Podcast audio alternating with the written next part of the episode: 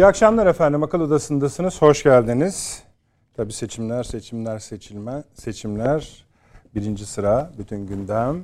Biz de bu akşam biraz kapı açacağız ama tabii ana kapımız dış politika, iç politika bağlantısı üzerinden gelişecek. Birinci menümüzün birinci maddesi efendim Berlin. Hatta şöyle Berlin FETÖ. Şimdi Gayet iyi hatırlayacaksınız. Şöyle bir şey yaşandı. En popüler yani aktüel durumu şu efendim. Ee, bir basın grubunun, sabah grubunun Avrupa temsilciliğine baskın yaptı polisler. Oradaki gazetecileri gözaltına aldılar. Aramalar yaptılar ve son derece çirkin muamelelerde bulundular bu aramasını sırasında. Tabii bu hem şaşırttı hem de hani Almanya'dan ya da bir Batı ülkesinden gelmesi şaşırtmadı da Zamanlaması tabii ki manidardı. Seçimlerle ilgiliydi bu. Çok belli, çok açıktır. Fakat sadece bu bellilik hali seçimlerle ilgili değil. Şimdi hatırlayacaksınız. Altılı Masa'nın ilk toplantısından sonra Avrupa Birliği'nin en büyük ülkelerinden birine yani birini bir e, yetkili, üst düzey yetkili hani elçi diyelim ona biz. Elçi gönderilmişti. Oradaki kağıtlar son yani ne karar verildiğine ilişkin İçişleri Bakanı Sayın Soylu'nu redakte etme olarak tarif ediyor. Onlara gösterilmişti. Şimdi bakın bu siyaseten uç en uç noktaları bunlar işte. Yani çıkış noktası, varış noktası da diyebilirsiniz. İlla böyle bunların arasında hani o, o anlamda demiyorum. İşte siyaseten dememin sebebi bu. Bağ budur. Yine çok artık önünüzde biliyorsunuz. Avrupa'nın bütün dergileri, periyodikleri seçim dönemi boyunca Cumhurbaşkanı Erdoğan'a ve Türkiye'ye ağır biçimde saldırdılar. Yine biliyorsunuz bu masada da hatta Amerika ile Avrupa basının arasındaki farkı da. Acaba nedendir bu fark? Yani Amerika biraz daha esnek. Hani esnek de hayır aradığımızdan değil. Ama hareketsizliklerinde bile şüpheleniyoruz artık durum budur. Şimdi buradan başlayarak mesela Politico önemli bir Amerikan yayını dedi ki Avrupa Türkiye ile ilişkilerinde ne istediğine dikkat etmelidir dedi. Yine hatırlamanız gerekiyor. Bütün gazetelerimizde yer aldı bu. Almanya ta yakın tarihindeki çok önemli isimlerin Türkiye'nin Merkel dahil Türkiye'nin Avrupa Birliği üyesi zaten yapılmayacağına ilişkin o döneme ait belgeleri, bilgileri ortaya çıktı ve bunlar yayınlandı. Almanya'da da Türkiye'de de. Bunlar hep aynı seçim zaman diliminin içinde. Yani şunu rahatlıkla söyleyebileceğimiz bir platform var elimizde. Zaten hiç almayacaklarmış. Zaten başından beri yalan söylemiş. Sebeplerini de yazıyor. Mesela e, zamanın şansölyesiyle Hollanda Başbakanı'nın konuşması var. Diyor ki ya diyor bunlar başka bir seviye diyor bizim için. Yani bunlar diyor Müslüman, büyük sorun. İki bir de Türk. Yani ikisi birlikte imkansızdır Avrupa Birliği'ne. Bunlar resmi konuşma. Onlar yayınlanmıştı. Onların kriptoları açıklanmıştı vesaire. Şimdi bunların hepsini toplayarak geleceğiz efendim. Ee, bunun seçimlerle Avrupa'yla ilgisini iki soru üzerinden buradaki sevgili hocalarıma, büyüklerime yönelteceğim. Ne istiyorlar? Münhasıran Avrupa ne istiyor? Ya da Avrupa içinde demek ki bir kanat var. Bir de şöyle bir iç politikayla seçimlerle ilgili tespit var. Mesela Cumhuriyet Halk Partisi içinde deniyor ki bir Amerikancı kanat var, bir Avrupacı kanat var. Bunlar neye göre tarif ediliyor, tasvir ediliyor? Bunlar hangisi hangisiyle hani nasıl yorumlayabiliriz? Bunları biraz açık açık konuşmakta fayda var. Girişimimizi, açılışımızı bu konuyla yapacağız. İkinci konumuz efendim Amerika Birleşik Devletleri'nin bölgemizde müstakbel bir yeni ortağı var. Müttefiği Yunanistan filan sanmayın. Yunanistan dedikten sonra hemen bir başka madde için parantez açayım. Onlar işte bizim seçimimize denk getirmemeye çalışıyorlardı. Yanılmıyorsam bu pazar günü Yunanistan seçimleri var. Biraz da biz ondan ikini takip edelim niyetiyle biraz konuşacağız bu akşam ama yeni müttefik efendim tabii Rum kesimi. Ee, bir denizaltı ziyaretinden bahsetmiştik. Bundan bir buçuk, iki buçuk ay kadar önce. Ve bu şey bir denizaltıydı. Kaslı bir denizaltıydı. Şimdi artık oraya bir savaş gemisi de geldi. Bir e, üzerinden geçelim istiyoruz. Çünkü onların basın yayın organları Amerika'nın yeni müttefiği diye alenen yazıyorlar. Ve bunların dışında iki tane büyük olay oluyor. Biz, tabii, herkes haklı. Şu anda biz sandığa bakıyoruz. Birincisi Amerika'nın toplantısı var Asya Pasifik'te. Herkes orada. İki, yakın bölgede Çin'in toplantısı var. Kazakistan, Kırgızistan, Tacikistan, Türkmenistan, Uzbekistan, Merkez Asya zirvesini yapıyorlar ve bütün dünyanın gözü orada. Acaba burada mesela Ukrayna-Rusya savaşına ilişkin bir şey çıkacak mı, çıkmayacak mı? Öbür tarafta da e, Japonya'da, Hiroşima'da Amerika Birleşik Devletleri'nin katılımıyla neden onu özellikle belirtiyoruz büyük olduğu için değil. E, Hiroşima'da ne yaptığını biliyoruz.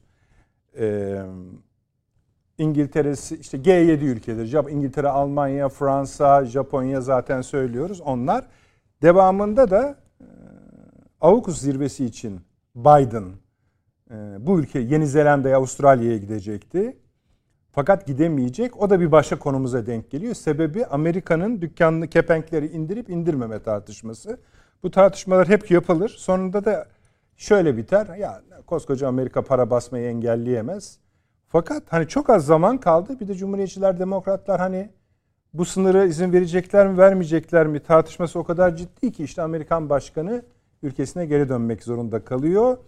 E, sabitlenmiş, belirlenmiş, anlaşılmış takvimini bozarak. İnşallah zamanımız kalır. Amerika'nın ekonomik durumu dünyanın ekonomik durumu demek bir anlamda biliyorsunuz.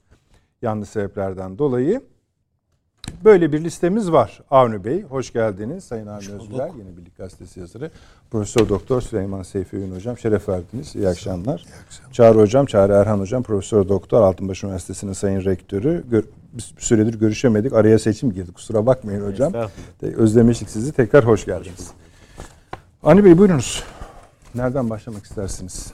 Yani siz Almanya diye şey yaptınız. Almanya ama Almanya mı? Evet yani anladım yani. Sıraladığınız şeyleri, hadiseleri. Ee, olay bir basın olayı olmanın ötesinde.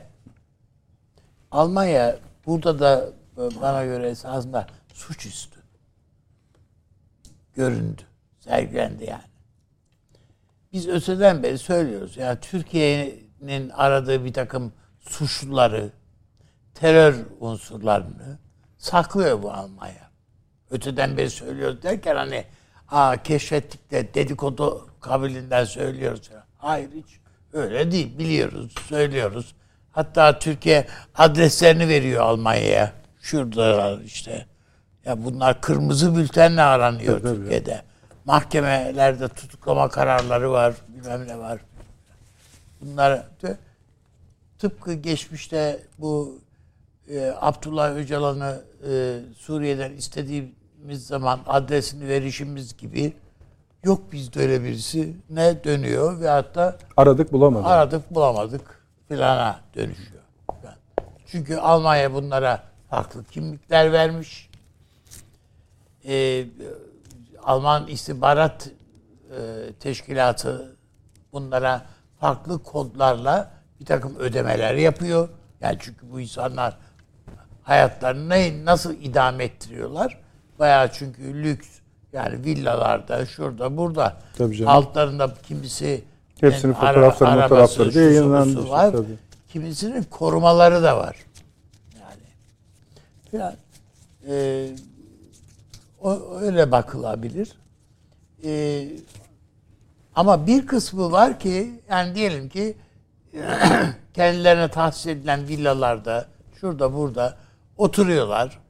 Ee, Almanya'nın kendilerinden beklediği bir takım hizmetleri görüyorlar. Nedir o hizmetler? Dosyalar veriyor Almanya. Bunlar üzerinde bir yorum yapabilir misiniz?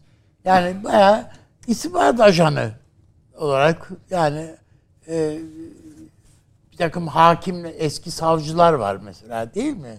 Bildiğiniz. E şu adamı tanıyor musunuz? Bu neyin nesidir? Çünkü bazılarını tanımıyor Türkiye'de. Şey Almanya'da kimse. Ama onlar tanırlar, biliyorlar. Onlar hakkında falan bilgilendiriyorlar Alman istihbaratını. Her neyse yani bu ama bir kısmı var ki Türkiye aleyhine neşriyat yapıyor. Baya yani e, bir dönem hatta Türkiye'de neredeyse birçok insana ha seyretmedin mi, dinlemedin mi? diye onu diye konuşmalarını diye. Yani sanki onlar bir takım e, diyelim ki AK Parti aleyhine veya Tayyip Erdoğan aleyhine bir takım iddiaların seslendirileceği bir hoparlör gibi. Ya bir mecra gibi değerlendirirler. Kim ne verirse ona göre gidiyor. Oradan çöp tenekesi misali işte şar diye boşalıyor bütün her tarafa. Ya bunun gibi bu işlevi gören insanlar vardı. Ve e, bunların bazısı o kadar deşifre oldu ki oturdukları yerler, kalktıkları yerler, işte ne bir alışveriş ettikleri pastaneler bilmem ne her buralarda fotoğraflandı. Fotoğraflandı derken yani gazetecilik bu gazete işte gidip e, efendim sabah gazetesi Hı-hı. bürosu sabah e, oradaki muhabirler veya da temsilci arkadaşlar değil sokaktaki vatandaşı sıradan Türk vatandaşı X FETÖ'cü maruf birisini efendim sokakta görüyor, fotoğrafını çekiyor filan değil mi yani? Bunların çok örneklerini gördük. Hatta peşine düşüp tüküren, bilmem hakaret eden, sen o, o vatan haini sen değil misin filan gibi. Orada yaşayan vatandaşlar. E, tabii yani tepkilerine maruz kalıyorlar filan gibi. Yani öyle doğrudan doğruya bizim gazeteci arkadaşlarımızı e, hedef alacakları, almalarını gerektirecek bir şey de söz konusu değil. E, o bakımdan yani e, tamamen keyfi bir şey ama ellerine bu kişilerle ilgili fotoğraf falan geldiğinde de yayınla, yayınlamaktan ibaret yani bizim gazetecilerin yaptığı da. Ee, bu deşifre oluş ve orada Almanlarla Almanların buradaki e, Türkiye aleyhine faaliyetlerine eklenmiş olan bir yeni unsur e, epey dillere do, dolandığı için son zamanlarda e, o bakımdan e, rahatsız oldular. Bu eylem yani o gazete bürosunun basılmasının altında yatan budur. Kendi işledikleri suçun deşifre edilmesi. Ve bir de tabi orada saklanan başka başkaları da var aynı kalibrede. e onlara da gözdağı. Ya bak yani bu fazla ileri gitme yani rahatınız kaçar. Rahatınızı kaçırırız burada diye. Çünkü ne olursa olsun bunların da hepsinin orada işte eşi var, çoluğu var, çocuğu var filan. Yani e, korku içinde yaşıyorlar. Bu insanlar zaten rahat değiller de bir de katmerleniyor. Ama hiç değilse Alman istihbaratının himayesi altında olmanın bir şeyi olarak, sonucu olarak korunduklarını, orada kollandıklarını e, bu koruma ve kollama tabirleri bize seçimle bağlantı kurmuyor musunuz?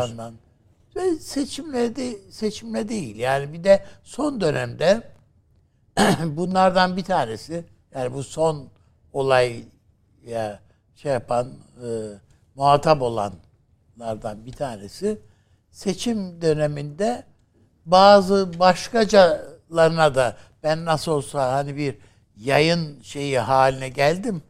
Nasıl hoparlör dedim ya yani geliyor birisi onların onun oluşturduğu şeyde zeminde, platformda e, zehrini kusuyor ve bırakıyor gidiyor. Peki. E, başkalarına da orayı açtığı için alın gelin yani bu- burayı kullandırın kullanın E, istediğiniz gibi ben burada işte gönderin bana yayınlanması mümkün bir takım videolarınızı ben burada yayınlayayım yani e, diye. E, Peki. Bunların bazısının Türkiye'de de biliyorsunuz tanınan, bilinen yani veyahut da şey, Gayet bir anda ünlendi.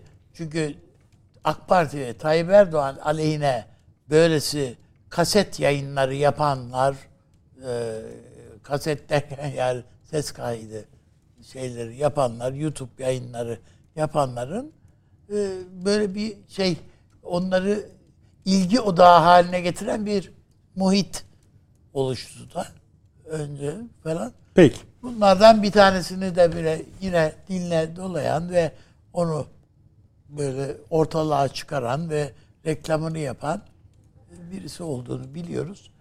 Ondan kaynaklanıyor yani bu Peki. son e, polis operasyonu. Peki. Teşekkür ederim. Süleyman Hocam, şimdi Avni Bey doğru bir boyutunu belirtti ama ben seçimlerle çok bağlantılı olduğunu düşünüyorum. Tabii. Asıl parçanın hatta olduğunu düşünüyorum. Ee, arkadaşlar o haritayı verelim yine. Ee, en çok konuştuk konuşulan şey Almanya'da. Ee, Türkiye'nin oradaki vatandaşlarımızın ne kadar oy kullandığı ve bu oyların il il il il dağılımı izleyicilerimiz de şu anda görüyor. Çok ağır bir tablo aslında bu. Hele hele bazı şehirlerde yüzde seksenlere varan oranlarda. Bunların her biri on binlerce oy. Çağrı hocam yani şey değil. Ee, bir bu çok döndü ve e, onların parlamentosunda dediler ki ya Türklere nasıl oy kullandı? Bu izni nasıl veriyorsunuz siz? Hala da bunun kavgasını yapıyorlar ikinci tur ortaya çıktığı için.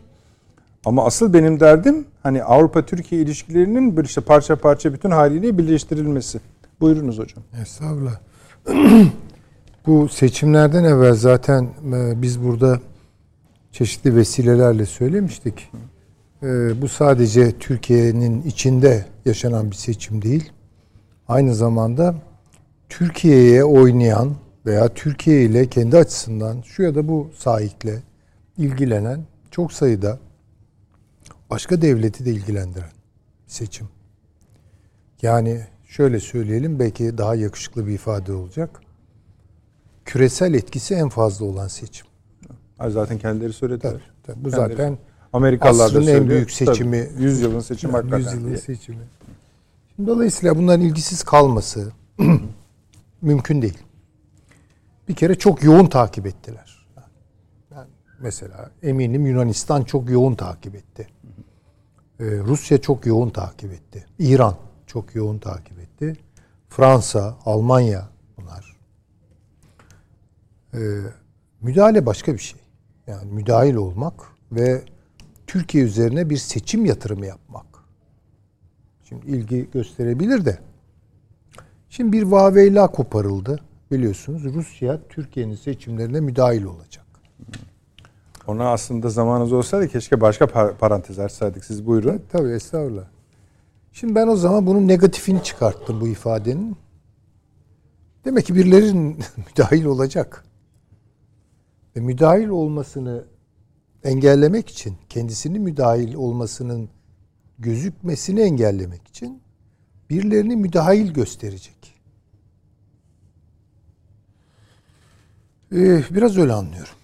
Yani işin bir Almanya ayağı var. Bunu tabii Avrupa Birliği diye, diye okuyabiliriz. Ee, ne kadar bu NATO ile bağlantılıdır ondan çok emin değilim bakın. Yani NATO'nun da kapsam alanına giren tarafları var ama bu daha özgül olarak Almanya'nın Türkiye ile ilgilenmesi olarak gözüküyor bana. Yani Türkiye Almanya'ya şey affedersiniz Almanya Türkiye'deki seçim dinamiklerine ağırlığını şöyle veya böyle koydu. Ben bunu nereden anladım? Yani çeşitli belirtileri vardı da bunun. Evet, tam üstadın dediği gibi seçim öncesi propagandalara bakıyorsunuz. Almanya mahreçli çok şey var. Yani muhalefet açısından söylenecek olursa. İşte oraya kaçmış, gitmiş, göçmüş bir takım insanlar konuşuyorlar. Böyle sansasyonel haberler geliyor vesaire. Ee, yani bunlar belli bir orkestrasyonu olan işlerdir. Yani bunlar böyle münferit biri oraya gitti de oradan sallıyor. Yani şimdi konuşan insanların doğru düzgün e, cep telefonu kullanabileceklerinden de emin olamadığım şeyler var. Yani tipler var. E, yani bunlar hazırlanıyor. Bir yere sokuluyor bu adamlar. Yani bir şekilde kontrol ediliyor ve oradan konuşturuluyor bunlar. Şimdi, dolayısıyla yani bunu hissettik. Ama daha önemlisi yani bayram değilken, seyran değilken e, Sayın Kılıçdaroğlu'nun, Kemal Bey'in Rusya'ya yolladığı tweet. Selam diyelim. Patriot tweet. Yani durduk yerde yani nasıl bir şey değilse o yani. Acayip bir şeydi o. Yani biz e, İran'la Çin'e ulaşma yolunun karton hesaplarına işte bakarken gel- Azerbaycan'ı dişleyip bakınız, dışlayıp Evet. ikisi de doğru.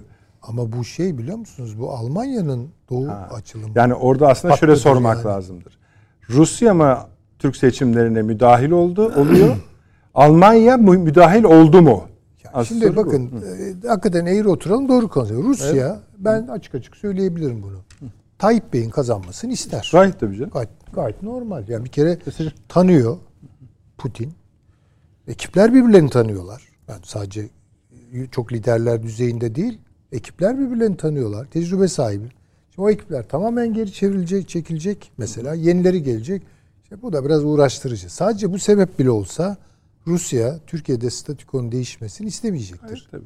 Kaldı ki yani işte Sayın Erdoğan'ın e, şeyden evvel seçimlerden evvel yaptığı bu Kemal Bey'in açıklaması üzerine ya bu ne kadar vahim bulduğunu değil mi yani Tabii ilişkilerin böyle götürülemeyeceğini filan yani bunlardan buralara bakıp da çıkarabiliriz. Tabii ki Rusya ister. Yani bu, bunda şaşılacak bir şey yok. Ee, Almanya'ya gelince Almanya Rusya gerilimine çok dikkat edelim. İkincisi Rusya şöyle böyle ama esas olarak Almanya'nın Çin'le buluşma arzusu. Yani bunlar bunların buluşması engelleniyor. Ya bu çok ağır bir şey Amerikan e, baskısıyla oluyor. NATO baskısıyla oluyor. E, yani şimdi İran'a kadar geldi Çin. Yani arada bir Türkiye var. Yani şimdi baktığınız zaman öyle değil mi efendim yani? Düşündüğünüz zaman ha Türkiye'de Almanya yanlısı, Almanya'ya müzahir, Almanya'ya sempati duyan veya bilemem ilişkileri bazı şeyleri de tabii biraz Bektaş ağzıyla söyleyeyim. Yani Rufailer karışır. Ben bilmem o işleri. Ama mantık olarak akıl yürütme düzeyinde baktığım zaman bu hat Alman hattıdır efendim. Çok açık.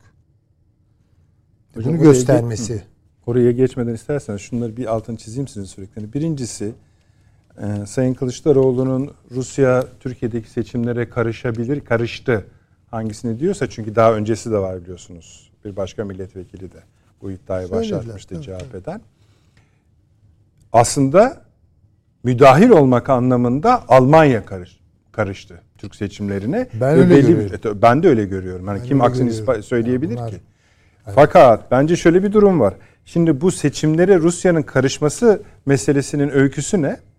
Amerika Birleşik Devletleri'nde Trump döneminden bu laf gelmedi mi bize? Yani dünyaya bu laf öyle hediye Tabii edilmedi. tabii tabii. Şimdi buradaki soruşturma bitmiş hocam Amerika'daki.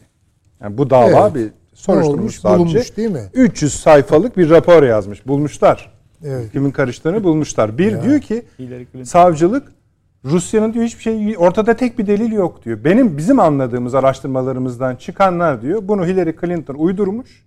Devletin federal kurumları da yani işte savcılıktır, FBI'dir vesaire bunu desteklemişlerdir diyor. 300 sayfalık soruşturma raporunun özü bu. Şimdi o zaman bakın neyin ya yani aslında bunu şimdi seçim geçsin belki öyle de konuşmak gerekiyor. Bunun neyse delili ve kim verdiyse bu delili bunların söylenmesi gerekiyor.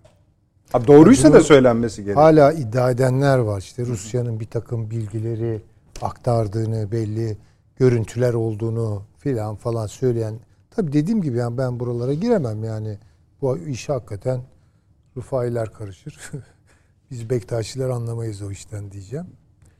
Ama e, şey olarak e, hakikaten daha açık göstergelere baktığım zaman Almanya'nın etkisinin çok fazla olduğunu yani etki yapma arzusunun ve iştihasının çok fazla olduğunu görüyorum. Bu açık.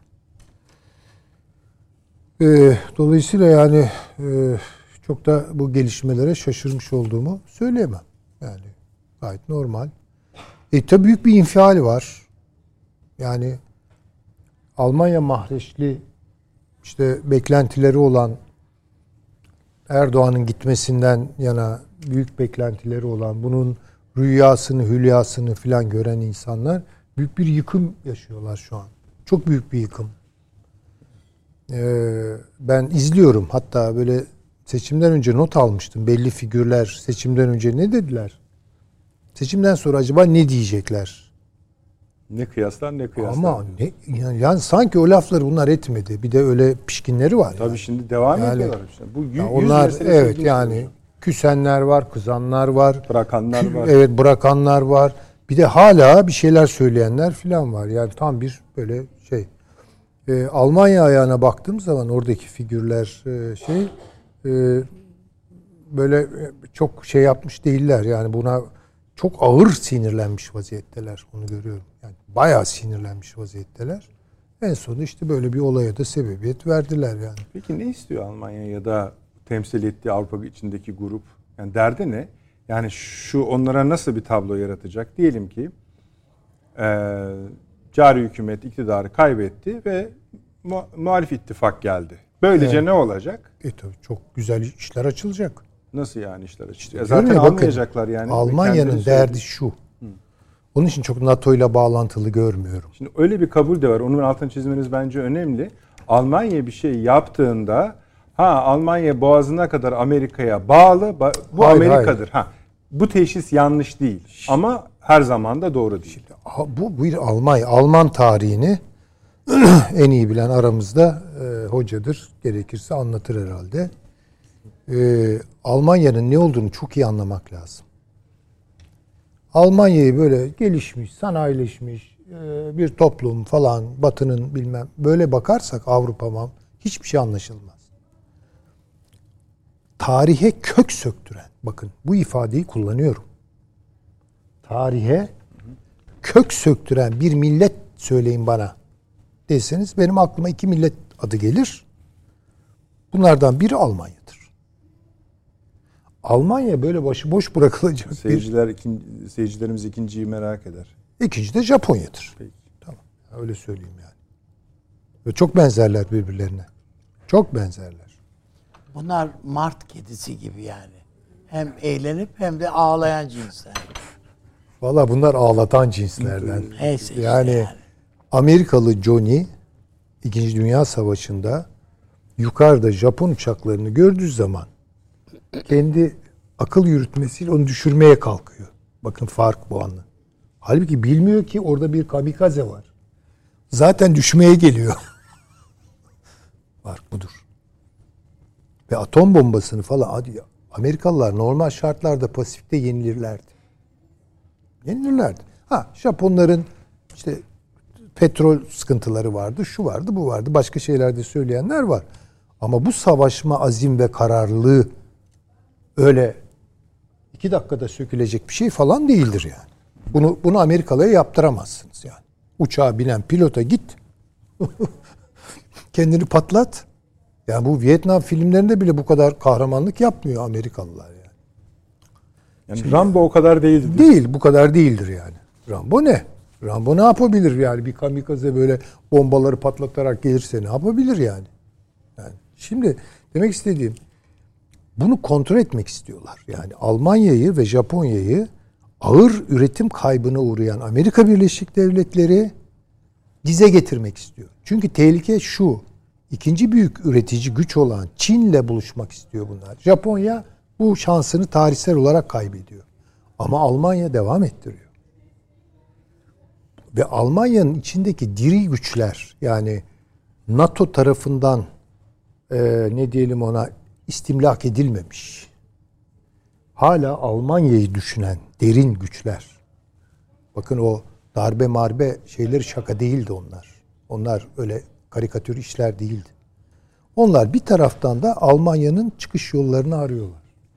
Bakmayın Scholz ne diyor. Bilmem trafik lambası e, koalisyonu. Derin Almanya çalışıyor. Ve derin Almanya'nın gayreti İran'da yerleşmiş duruma gelmiş olan Çin'le nasıl kavuşabilir? O sırada bizim muhalefet lideri çıkıyor elinde bir Kartonla. kartonla offroad haritası gibi yani şey vardır ya böyle yarış arabalarının rutinde yani çok amatörce ama gösteriyor işte yani ben buradayım diyor. E şimdi bunu görmeyecek miyiz yani? Olsa hemen ele vermiş oluyorlar zaten kendilerini. Benim anladığım kadarıyla.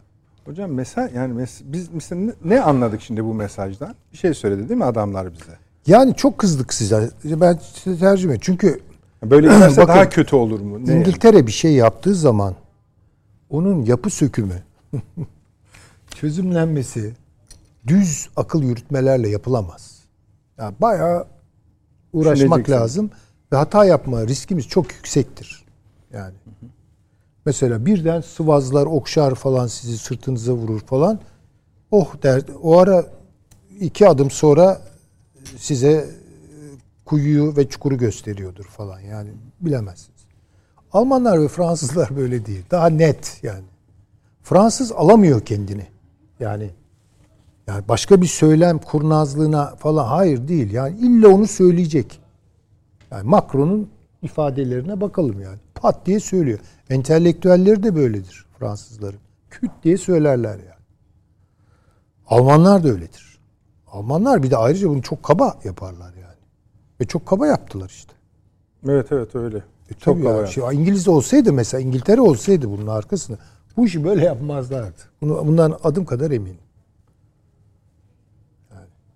Onun için yani biraz böyle nasıl söyleyeyim? Çünkü çok büyük bir yıkım. Ya inandılar çünkü buna. Bu mitomani yani. Mitomanik bir yaklaşım vardı. Geldik. Bakın mitomani örnekleri vereyim ben size. Mitomani biliyorsunuz bir efsane. Hani bilmeyenler için küçük bir açıklama yapalım. Bir efsane yaratırsınız. O efsaneyi gerçek yerine koyarsınız ve onu yaşamaya başlarsınız. Yapmadılar mı? Sayın Cumhurbaşkanımız 13 daha seçim olmamış ya. Daha seçim olmamış yani. Sayın Cumhurbaşkanımız, 13. Cumhurbaşkanımız, Evet. yardımcılar, görev taksimi, sen diyor şu işlerle ilgilen diyor, sen bu. Aa, bu kadar inandıktan sonra böyle bir netice, yıkım. E böyle bir yıkım ne, ne demek yani? Toplu halde olabiliyor yani mitomani. Ay tabii kolektif. Zaten bu şey gibi. Böyle bir tür e, pandemi gibi yani sa- salgın. Ben ona paralel evrende yaşama sendromu diyor. Ya o da öyle de denilebilir. Ee, ve tabii ki bu bunun getirdiği çok büyük bir şey var yani e, nasıl söyleyeyim sıkışmışlık var yani bunu bir bir şekilde bir öyle mi al sana falan yani bu, bu kabaca bir şey yani. Ne olacak? Ama şunu söyleyebiliriz tabii. Ee, Türkiye Batı Avru şey e, Avrupa Birliği ilişkileri kolay kolay iflah olmayacak bir noktaya geldi yani. Nasıl çıkılacak bunun altından nasıl kalkılacak bilmiyorum. Niye Amerika'yı söylemediniz? Amerika başka. Bakın. Amerika'yı Bir de bu konuşacaksak o- seçimde e, o kadar davranmadı. Hatta bugün ne diyordun abi? Hangi dergininde? Newsweek. Newsweek ne diyor? Diyor ki er, e, Erdoğan'a diktatör demeyin. Çünkü diktatörler ikinci tura kalmaz. Kalma, kalamazlar. Yani çünkü seçim sonuçları söylediklerinizi tekzip ediyor anlamında. Yani Türkiye-Amerika ilişkileri yeniden masaya yatırılacak. Yani eğer Erdoğan ikinci turu alırsa ki çok kuvvetle muhtemel olan o yani çıkacak güçlü bir e, destek arkasında Amerika ile masaya oturulacak. Ha, ne olur onu bilmiyorum. Yani ama şunu diyemiyorum. Erdoğan kazandıktan sonra Avrupa ile bir daha oturacak diyemiyorum. O orada kapalı her şey. Bu Amerikan-Türkiye ilişkilerinde Eskisine kıyasla bir iyileşme mi demek istiyorsunuz? Olabilir de olmayabilir de. Bilirdi. Ben, tamam o Ama zaman. Erdoğan şunları Ama da öyle demiyordunuz söylüyor. deme hakkım kalktı ortada. Ha, yok yok yani şöyle yani olabilir ve olmayabilir. Ama o benim olma ihtimalini ne kadar görüyorsunuz diyorsan zayıf görüyorum. Bakın onu söyleyeyim. Zayıf görüyorum. Eğer başka kanallar işletilmezse benim Buna devam edelim mi? yani Bu bence önemli bir konu ama biraz sonra e, devam edelim. emin Çağrı olamadığım için genel şeyler söylemekle çekiniyorum, çekiliyorum şimdilik. Peki efendim. Kısa bir aramız var. Aradan çıkarıp geliyoruz. Devam ediyoruz efendim akıl odasına. Hocam tamam değil mi Hüseyin Tabii, hocam? tabii, Tamam, tamam. Devam ederiz biraz sonra. Çağrı hocam buyurunuz. Biz yıllarca Almanya'nın Türkiye'ye en fazla yatırım yapan ülke olduğunu konuştuk. Bir vaka bu. Yani rakamlar da bunu gösteriyor değil mi? Yani yatırım deyince aklımıza ne geliyor? Bir, doğrudan yabancı sermaye girişi. Yani Para işte gidiyorsunuz buradan Kocaeli tarafına doğru İstanbul'dan çok sayıda büyük ölçekli Alman fabrikaları, Alman menşeli firmaların fabrikaları, buralarda çalışan işçiler hem Türkiye ekonomisine bir katkı sağlıyor hem de buradan ihracat yoluyla bir katkı sağlanıyor. Doğrudan yatırım yapmış. İkincisi tabii para piyasalarına yatırım yapan, başta Türkiye'deki sermaye piyasaları olmak üzere buraya yatırım yapan bir ülke. Başka e tabii turizm sektöründe onu da bir yatırım kabul etmek mümkün mü? Mümkün. Ya da Türkiye'ye bir döviz girdisi sağlayan önemli bir sektör. Son zamana kadar şimdi Ruslar biraz geçti herhalde onları ama Almanya'dan gelen turistler bir birinci sıradaydı. Yani Türk ekonomisinin aslında Avrupa Birliği Birliği'ne yöneliminde Avrupa Birliği ile beraber olma arzusunda ana dinamik Almanya ile kurulmuş olan bu ilişkiydi ve esasen de yatırım ilişkisiydi. Bugün görüyoruz ki Almanya'nın aslında daha büyük bir yatırımı varmış. Yaklaşık 100 yıldır hatta biraz daha geriye gideyim. Kaiser II. Wilhelm döneminden itibaren yapılmış bir yatırım var. Türkiye'yi yeri geldiğinde ve zamanı geldiğinde arzu ettiği şekilde bir araç olarak kullanma yatırımı. Onun için yapılmış bir yatırım. Kaiser Wilhelm'e gitmemin sebebi ikincisine şu. Wilhelm biliyorsunuz Sultan Hamide kara kaşı kara gözü için yanaşmış değil. Sultan Hamid'in de Kaiser Wilhelm'e bir yanaşma, Almanya ile bir ittifak içerisine girme filan bir arzusu yok. Bilakis Bismarck'ın özellikle 93 Harbi'nden sonra o Berlin Kongresi'nde ki tavrı Osmanlı'yı ürkütmüş. Tamam Ayasstefanos'un yerine Berlin'i tesis etmiş ama demiş ki ya bu ameliyat masasına ya da teneşir masasına yatırdığımız hasta ölecek. Bakalım biz buradan ne kadar koparabilirsek o kadar koparalım. Kaiser II. Wilhelm'in ortaya koyduğu ve Osmanlı içerisinden de bir takım adamları vasıtasıyla Yıldız Sarayı'na telkin ettiği ya biz 400 milyon Müslümanın hamisi olacağız. Osmanlı toprakları içerisinde Ortodoksların hamisi Küçük Kaynarca'dan beri Ruslar. Evet. E, Katoliklerin hamisi Fransızlar. Protestanların hamisi ki protestan milleti yoktu. Bir protestan milleti kurdurmak suretiyle 1847'de hamisi İngilizler. E peki bu Müslümanların koruyucusu kim olacak? O da benim dedi. İki sefer Osmanlı topraklarına geldi. Bir seferinde Kudüs'e kadar gitti hacı oldu. Ve bunu orada yaptığı konuşmada cümle aleme ilan etti. O zaman rakam 400 milyon. Ben dedi 400 milyon Müslümanın koruyucusuyum.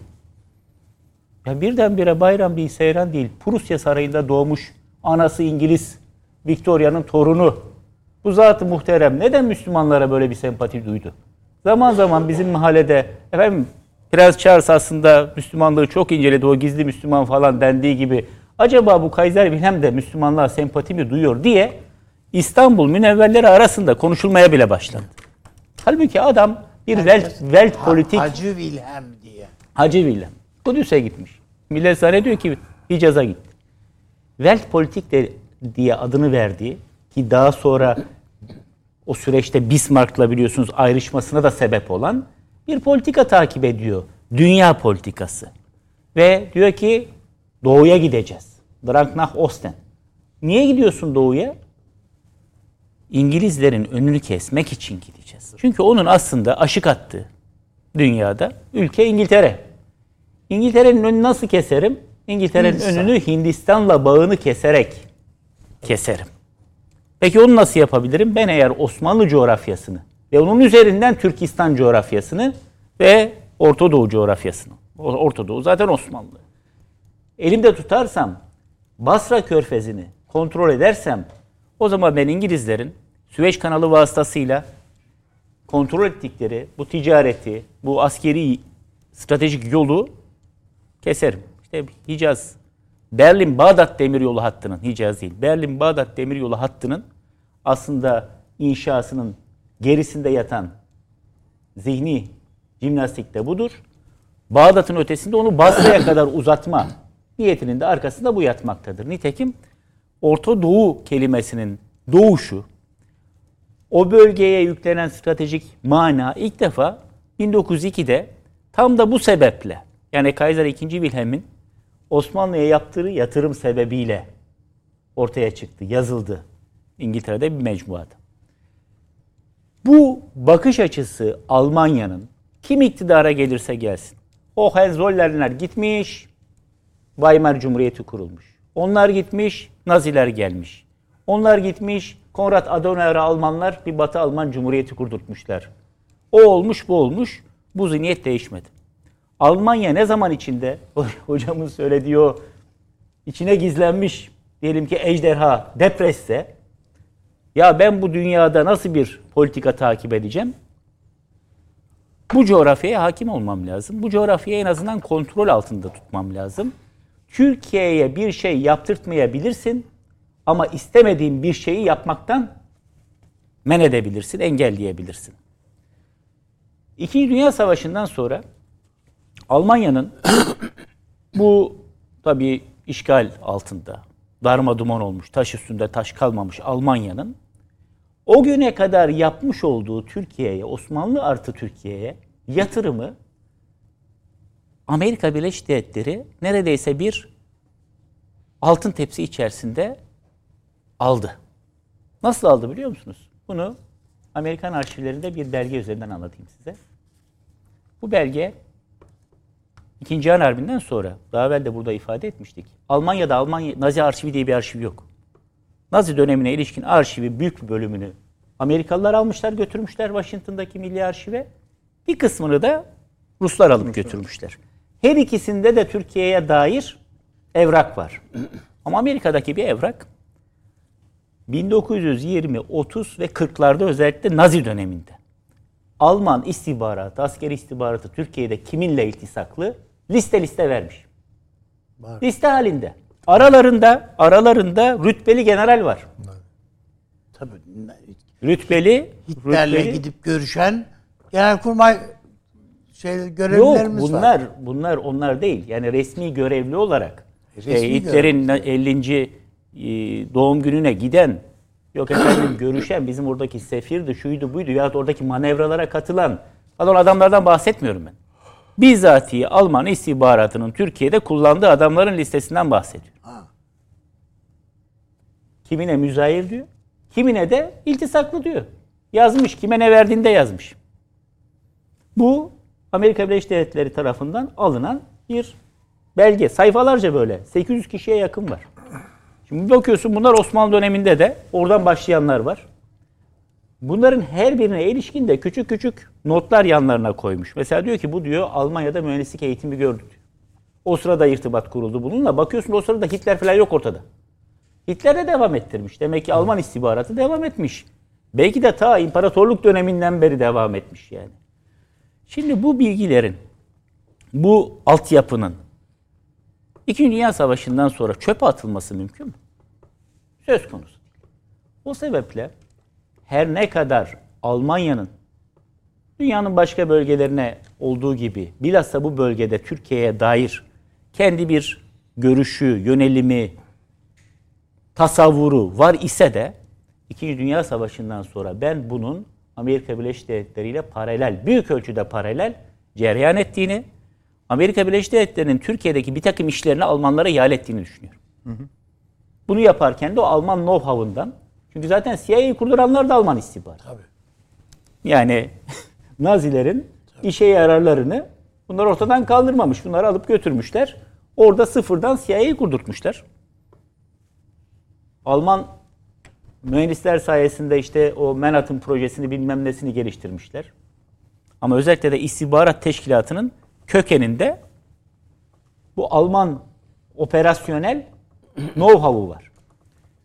Bu Türkiye için de böyle. Bir adım ötesine geçeyim. Orta Doğu'daki pek çok emirlik, şehlik vesaire içinde zamanında Almanlar buralarda arkeolog kisvesi altında, iş adamı kisvesi altında, misyoner Mısır, kisvesi Mısır'da. altında aşık atarlarken biriktirmiş oldukları bilgi birikimini Amerikalılar böyle onlardan aldı. Özellikle 1955'te Batı Almanya NATO üyesi olduktan sonra Türkiye'deki pek çok işlerini Almanya üzerinden yaptılar. Bizim gerek güvenlik bürokrasisi içerisinde, sivil ve asker güvenlik bürokrasisi içerisinde, gerek basınımızda, gerek entelektüellerimiz arasında bir iş yapacağı zaman Amerikan karşıtlığı o kadar yüksekti ki. Hele Vietnam Savaşı'ndan sonra. Onları ya ben gözükmeyeyim ön planda. Çünkü bir adam Amerika'ya yakın gözüktü hemen tukaka ediliyordu. Almanya üzerinden bu işi yaptıralım. Nitekim yavaş yavaş yavaş yavaş o yatırım büyüdü, büyüdü, büyüdü bugünkü noktaya geldi. Yani Zaman şuna zannedilir ki, bağladınız. zannedilir ki Türkiye ile ilgili bir takım planlarında Amerika ile Londra ile Washington, Amerika ile İngiltere omuz omuzadır falan. Çoğu zaman ayrışırlar İngilizler Amerikalılar. Amerika ile Almanya omuz omuzadır. Amerika'nın kendisinin doğrudan söyleyemediğini, söylemediğini Alman basınında görürsünüz.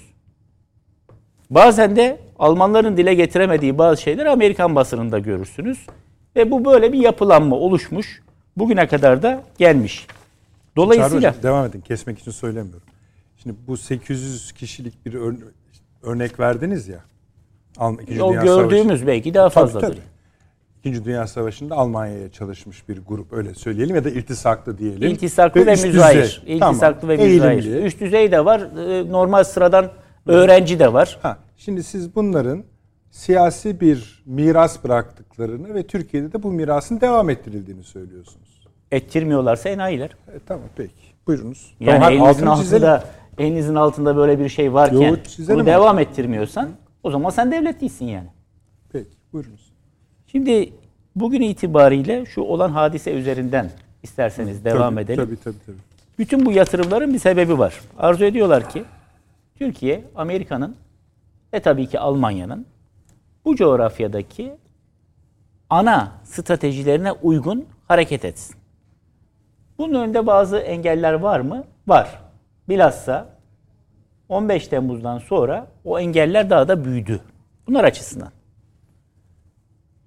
İstedikleri gibi burada hareket ettiremediklerini en son Rusya-Ukrayna savaşı örneğinde gördük. Türkiye o kadar doğru ve o kadar zamanlaması itibariyle de doğru bir iş yaptı ki bir yandan burada çok daha büyük bir kan gölünün ortaya çıkmasını bütün dünyayı belki de etkisi altına alacak engelledi. Bir yandan da kendi menfaatlerini çünkü hem Rusya ile hem Ukrayna ile çok yakın ilişkileri olan bir ülke olarak kendi menfaatlerinin zarar görmesini engelledi. Ama bu en fazla kimi rahatsız etti derseniz bu en fazla ABD'yi, İngiltere'yi ve tabii ki Almanya'yı rahatsız etti. Bu yorumlar içinde e, bu Türkiye'deki seçimlerin gidişatında Ukrayna etkisinin de Berlin'i biraz rahatsız ettiği söyleniyor. Hani Türkiye daha mı çok acaba tarafını belli etmeye başlar seçimden sonra böyle giderse diye. Siz böyle görür müsünüz? Türkiye çok doğru bir yerde duruyor. Türkiye onun Karardır ya da bunun, onun yani. ya da bunun Karar. yanında değil. Türkiye Türkiye'nin yanında ve dostlarının yanında durduğunu defalarca ifade etti. Biz arzu ediyoruz ki bu iki komşumuz arasındaki çatışma bir an önce bir hal çaresine bağlansın. Burada bizim üzerimize düşen ne varsa da biz bunu yapalım. Bugüne kadar yaptı. İşte dün o tabii kavga gürültü içerisinde Gölgelendi. Türkiye çok büyük bir başarıya imza attı. Tarım koridoru. Düne kadar, düne kadar Ruslar diyorlar ki yok kardeşim siz bize bunları yaptıktan sonra biz tahıl koridoru falan anlaşmasını kaldırdık diyordu. Yani biz bunu arada yaptık bir de bu kadar harala Eğer görelim. Cumhurbaşkanı Erdoğan devreye girmeseydi bu anlaşma şu an yoktu. Olmazdı tabii. Yoktu. Ve bu anlaşmayı bunun ricasıyla Putin iki ay daha uzattı. Şu an o tahılın biliyorsunuz büyük bir bölümü Evet. Batı Avrupa'ya gidiyor. Afrika'ya gidiyor. Açlık sınırında yaşayan ülkelere gidiyor. Ve dünya bir rahatlığı verdi. Zaten Guterres de Evet. kalktı Birleşmiş Milletler Genel Sekreteri teşekkür etti. Bu Tabii. şimdi Türkiye eğer böyle bir politika takip etmiyor olsaydı Bir de küçümsedi Biden. Almanya'nın yatırım Niye yaptığı iki, iki aylık diye.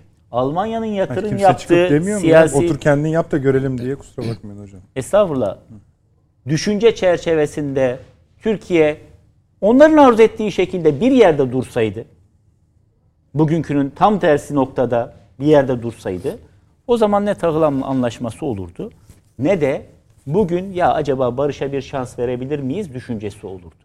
Yani yarın bu iki ülke arasında bir ateşkes müzakeresi yapılacaksa orada da başrolü Türkiye oynayacaktır.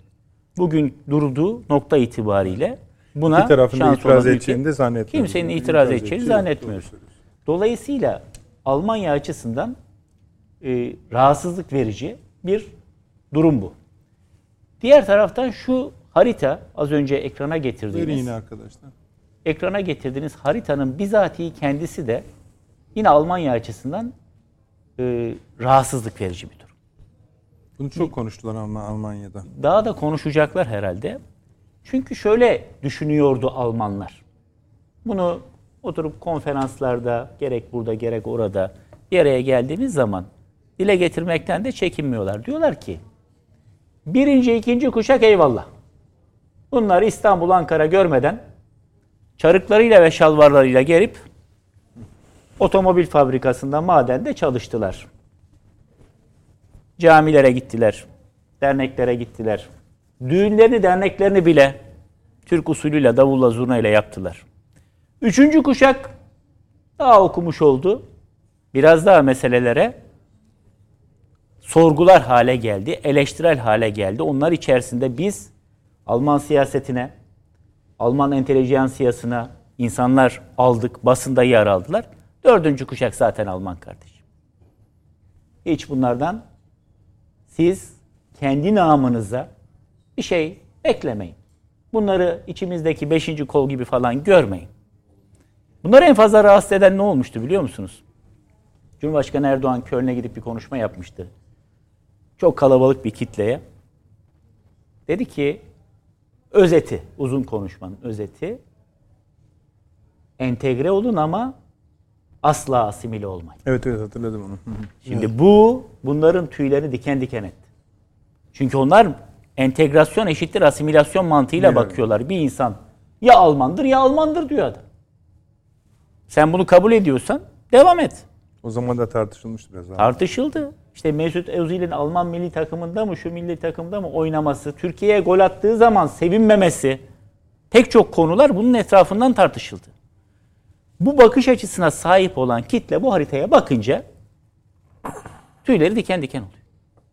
Ya biz nerede yanlış yaptık diye herhalde düşünüyorlar. Çünkü yıllarca sadece Türkiye'ye değil kendi işlerine de yatırım yapmıştır. Sonuç itibariyle Almanya'nın ortaya çıkan bu son arşiv belgelerinde Şeyi söylüyorsunuz Amerika'daki. evet. Hayır biz Amerika'dakini demiyorum. Alman arşivleri açıldı. Ha tamam Ve şey Alman- Avrupa Birliği istemeyecek. Avrupa Birliği sürecinde Almanya'nın bu arşivler bunu söylediği için bu kelimeleri kullanmakta beis görmüyorum. Ne kadar riyakar, ne kadar ikiyüzlü, ne kadar yalancı olduğu ortaya çıktı. E biz bunu bilmiyor muyduk? Biliyorduk. Burada da defalarca zikrettik. Meşhur kameralar önünde o Danimarka Başbakanı ile Alman Dışişleri Bakanı'nın konuşması. Evet. Türkiye'yi ne yapacağız? Diyor ki önce uyutacağız, sonra unutacağız. 2003'te Kopenhag, Evet. 2002'deki Kopenhag zirvesinde. Demek ki bu bir kararmış. Bu Politika daha evvel de öyle böyleymiş. Bu bir politikaymış. yüzlerimiz yüzümüze gülerek efendim aman ha bu gelenleri bize göndermeyin diyebilmek için yüzümüze gülerek bak biz Avrupa Birliği için elimizden geleni yapıyoruz. Bizim hükümet politikamız Türkiye'ye karşı değil diyerek ama bir yandan da içeride merak etmeyin ya bunları biz uyutuyoruz sonra unutuyoruz. Bu seçimden sonra herhalde bu seçim hengamesinde çok fazla tartışılmayan, irdelenmeyen bu tür tarihi vesikalarda yakın da, tarihe dair vesikalarda masaya daha fazla dökülecek. Bunun üzerinden İnşallah. konuşulacak. Yani arkadaş siz ne istiyorsunuz? Dürüst olarak karşımıza gelin. Çünkü Türkiye'nin ne istediği başından itibaren belli. Değil mi? Biz eşit bir aday olarak muamele görmek istiyoruz. Siz bize bu sözü vermediniz mi? Ama o tarihten bu tarihe eşit aday olmamamız için de elinizden geleni yaptınız. Peki. Çok teşekkür ediyorum bu bölüm için. Bir de şey var aslında Süleyman Hocam, Avni Bey. Bu Amerikan'ın alıntı yaptım ya Politika dergisinden. Hani Avrupa Türkiye'den ne isteyeceğine çok dikkat etsin, etmelidir diye. Niye edecek? Ne kastediyor olabilir? İşte, Ve vardır herhalde o non metninde de. tabii var tabii de siz bakalım. Yani Yani burada eğer Avrupa itaat edeceksin. İstediği budur. Başka ne isteyecek? Öteden beri bizden istedikleri de bu zaten. Avrupa'nın da Türkiye'den istediği bu. Yani az önce hocalarımızı da dinledik. Gayet güzeldi. Yani Türkiye'de devletin istihbaratını Ruzi Nazar filan kurdu. Yani Almanya Al- CIA istasyon şefi Türkiye'nin istihbaratını kurdu. İkinci Dünya Savaşı'ndan sonra. Şimdi bakıldığında bu sadece bizim Cumhuriyet dönemine ait bir şey değil tabii. Osmanlı döneminden tevarüz edilen bir şey. Yani Moltke'den tutun da işte Çanakkale Savaşı'na bakın. Limon İttihat- Sanders. Ha, Sanders. Yani bizim İttihat Terakki komutanlarının hepsi Almancı. Hepsi. Yani yani Türk ordusunun Türk ordusunu komuta etti bunlar. Ne diyelim yani? Çok büyük ölçüde zayiat vermemizin bazı noktalarda altında yatan da bu. Ee, onun bir adım ötesine geçelim. Ee, sırf mesela bizim şimdi e, Galicia cephesinde verdiğimiz şehitler var. Şu anda şehitliklerimiz var orada yani. E, Galicia cephesi dediğimiz yani Finlandiya'ya kadar çıkın yani o tarafı söylüyorum. Neden? Almanlar zora girdiler. Almanlar e, biraz cephede eli rahatlasın diye biz askerimizi sürdük e, İngilizlerin karşısına. Do- Dolayısıyla yani bundan bu Almanların bize verdiği zararın haddi hesabı yok. Türkiye ne yapalım biz bu doğuda sıkıştık değdiği vakit ya bu Ermenilere ne tahammül ediyorsunuz? Sürün gitsin bunları diye bu tehcir aklını veren Talat Paşa'ya falan bu tehcir aklını veren de Almanlar. Bunun belgeleri de çıktı ortaya. Yani hepsi yayınlandı. Ee, ama, ondan sonra da bu Türkiye soykırım yaptı diye ortalığı velveleye verenler de yine aynı insanlar. Almanlar. Bu tehcirin şeyin soykırım iddialarının arkası hepsinde Almanya'ya dayanıyor. Amerikalıların yayınladıkları o kitapçıkların hepsinin arkasında bunlar var. Daha ötesi veyahut da işte şeyin Ermenis- Ermenistan'ın ilk cumhurbaşkanı zaten yazıyor. Biz Türklere ihanet ettik. Almanlar bizi kışkırttı ve Türklere ihanet ettik diye yazıyor. Bu soykırım iddiasıyla ilgili olarak. Yani bakıldığında Almanya e, hala öfkeleri geçmiş değil. İşte o yüzden de bu e, FETÖ'nün bütün unsurlarını, Türkiye'ye düşman bütün unsurları, geçmişte TKP unsurlarını da dahil olmak üzere hepsini eksine kucak açan, besleyen, ev veren, yurt veren, vatandaşlık veren, para veren, pul veren şu anda efendim, evet bir takım Amerikan sivil toplum kuruluşları veyahut da vakıflarının Türkiye'de bir takım e, insanları veyahut da vakıfları veya ne bileyim işte şeyleri basın yayın organlarını e, desteklediği, para pul verdiği falan bunu biliyoruz ama sanki bu Almanlar bunun haricinde dışında mı çok daha büyük para imkanları sağlayanlar onlar. Yani Henrik Böher Vakfı'ydı. Yok şuydu buydu. Biz sonra bu Almanların bu kadar işin içine cinayet karıştırdıklarını falan da bilmez idik. Aklımıza da gelmezdik. Ama bunun bir örneğini Ankara'da evet. gördük. Hablemitoğlu cinayetiyle. Hablemitoğlu'nun verdiği kavga tamamen Alman vakıflarıyla na karşı verilmiş bir kavgadır.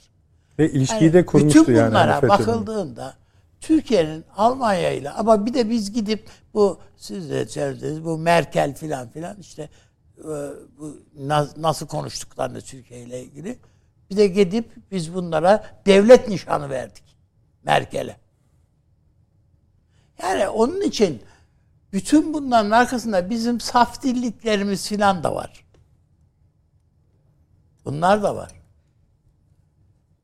Bunu bunu gönderin geriye dediler. Biz Türkiye'de işte ihanet etmiş bir tane gazeteci kimliğinde bir şeyi Alman vatandaşı değil mi? Türk vatandaşını Almanya'da da milletvekili de yaptılar bunu filan. Neyse gönderdik geriye tutukluk bizde onlar orada olsa kendileri tutuklanında hiç ağzını açmazlar. Duymamazlığa gelirler. Şu anda Alman istihbaratının önemli bir e, şeyi faslını harcama ya da işte faaliyet şeyini Türk sığınmacılar teşkil ediyor. PKK'nın Almanya'da eyaletleri var. Nasıl Türkiye'de biliyorsunuz bazı eyaletlere ya bazı kendilerini bazı vilayetlere kendileri isim takarak bilmem ne eyalet sorumlusu falan diye söylüyor. Orada da Almanya'da da Alman eyaletlere Kürtçe isimler takarak buranın bütün haraç toplayanlar onlar. Bunların hepsinin raporları var Almanya'nın elinde. Nasıl paralar topladıkları, nasıl vergi ta orada vergi tahsildarları var Almanya'nın. Vergi tahsildarları var. Tek tek gidip iş yeri sahiplerinden nasıl vergi diye alıyorlar. Öyle gizli şey değil yani. Bayağı vergi diye alıyor adam parayı. Şimdi bütün bunlar Almanya'nın başına bugün değil belki ama yarın Almanya'nın inşallah başlarına bela olacak bunlar. Çünkü şimdi biraz sonra belki Rusya ile ilgili falan konuş şey yapacaktım da ben bu e, Blinken e, Rusya'nın terör devlet, terörü destekleyen Hı. devlet statüsüne alınması gerektiğini o söyledi. Ya esas destekle terör devleti ya terörü destekleyen devlet statüsü eğer olacaksa birisi Almanya işte e, İsveç yani bunlar yani basbaya bütün teröristlere kapıları açtınız. Zaten Abdullah Öcalan'ın bile ikinci olarak gitmek istediği ülke İsveç'ti. Başka bir yer değil yani. Adam İtalya'ya, şuraya, buraya, Yunanistan'a yerleşmek derdinde değildi. İsveç'e gidelim. Karısını da oraya yolladıydı zaten. Şimdi biz acaba bunu işte NATO'ya alalım mı almayalım mı oy, oy vereceğiz. Üstümüze çullandılar. Haziranda falan oy verir miyiz vermeyiz bilmiyorum ama yani bir şekilde vereceğiz herhalde. Ya bunlar Türkiye'ye karşı bir çember oluşturuyorlar. Biz o çemberin içine de, develenip duruyoruz. İşte hani akrebe şey koymaları gibi. bir ateş çemberi sürmeleri gibi. Onun için bakıldığında ben e, Türkiye'nin hep burada konuştuk. Hocalarımız da hatırlarlar zaten. E, Türkiye'nin en büyük problemi siyaset üretmek. Türkiye siyaset üretemiyor. Al işte bugün yine karşımızda Suriye var. Yine karşımızda İran var. İran var şu anda. Yani Laske'yi bombalıyorlar ya. Daha ne, yap ne yapabilir ki İran? Ve Rusya İran adına Laske'yi bombaladı. Bu hafta. Ve ölü sayısı falan da var yani. Şimdi onları da not ettiydim. Yani bu Laske dediğimiz bizim bizim yani hakim olduğumuz şey. Laske mi acaba? Tabii. Orayı bombaladılar hocam. Yani bakıldığında e, burada yani Hale, Halep Laskiye çevresini olduğu gibi e, bombalamışlar e, filan. Ondan sonra e, Tamam. 185'e yakın ölü var. Eyvallah. Peki. Yani onun altını çizeyim istedim. İyi yaptınız abi. Süleyman Hocam. Şeyden aldık geldik ama Avni Bey tabii de akşam konuşacaktık. Oraya kadar getirdi. Siz Almanya hani... meselesine mi tabii, devam tabii, ediyoruz? Tabii. Hayır, şunu çözmeye çalışıyoruz hocam. Şimdi aslında hani vücudunu belli ettik. Fakat bunun Türkiye'deki şu andaki siyasetteki iz düşümünü, gölgesini böyle silüet olarak hala veriyoruz. Ama gayrısı zaten, zaten o kadardır diyorsunuz. yani gayrısı istihbarat işi. evet. Peki. Bunlar Şöyle... bir sepete koymazlar yumurtayı. Onu sepeti anlatırız canım. Şey muhtemelen muht yani bunu başka bir şeye dayanarak söyleyemem ama muhtemelen Sayın Kılıçdaroğlu'na da bu Rusya operasyon şeyi yaptı Türkiye'ye falan. İşte tamam işte sepet somut, bravo. Somut kanıtım var bilmem ne dedirttiren de yine bu Almanlardır. Ya da o, o onun uzantısıdır Abi işte. hiç yani Tabii. Amerikalılar o kadar kör gözün parmağına bir şey yapmazlar. Ve yapsa da onu Kılıçdaroğlu üstünden yapmaz. Daha başka daha ince bir kanal bulurdu. Hadi gözüne kestirdikten sonra kendi çıkar söyler. Tabii, tabii. tabii bunda eminse lap diye söylerler. O ayrı mesele. Ama onda bile Almanya menşeinin olduğuna, kaynağının olduğuna inanıyorum. Ya işte bir sepeti anlatın. Buyurun Süleyman Hocam.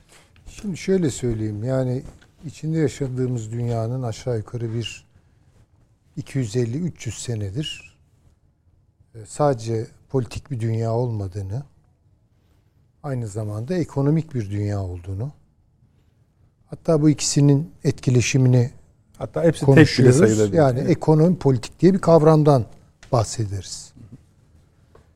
Ee, yani siyasetin ekonomide bir gölgesi dolaşıyor. Kabaca. Ekonominin de gölgesi siyasette dolaşıyor. Hatta bu teorik olarak tartışma konusudur. Yani ekonomi mi siyaseti belirler yoksa siyaset mi ekonomiyi belirler? Biraz yumurta tavuk ilişkisi gibi nafile bir tartışmadır. Yani şu kadarını söyleyebiliriz. Bunlar tabii ki etkileşim içinde. Ekonomide olup bitenlerin siyasette gölge vermesi veya etki doğurması diyelim birebir hemen e, ve doğrudan olmuyor. Şimdi bu niye söylüyorum? Bunu şunun için söylüyorum.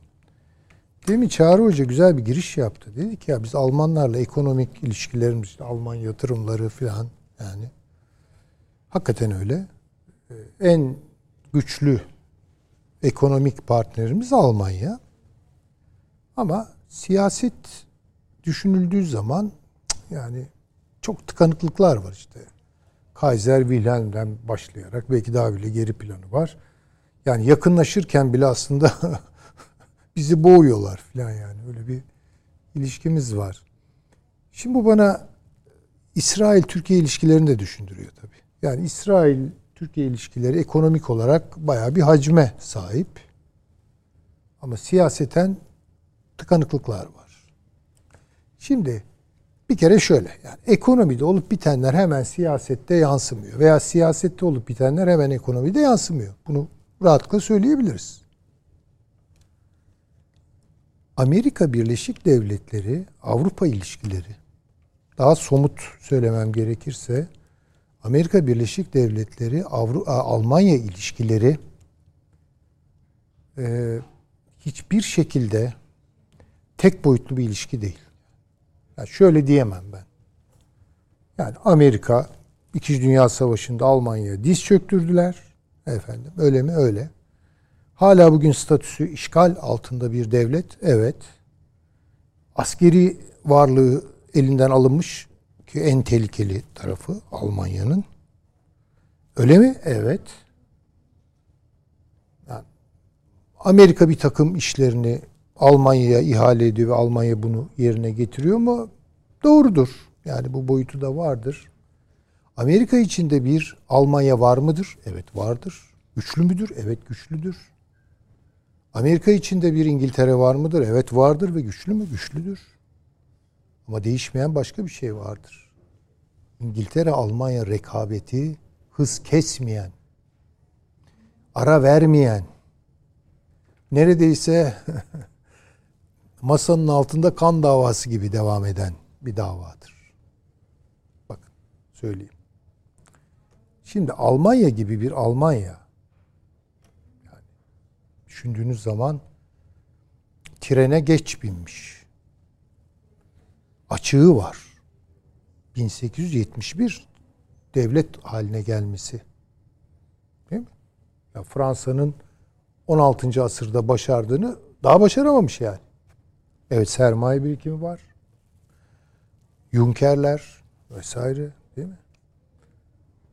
1870 ve 71 pat bakıyorsunuz devlet oldu.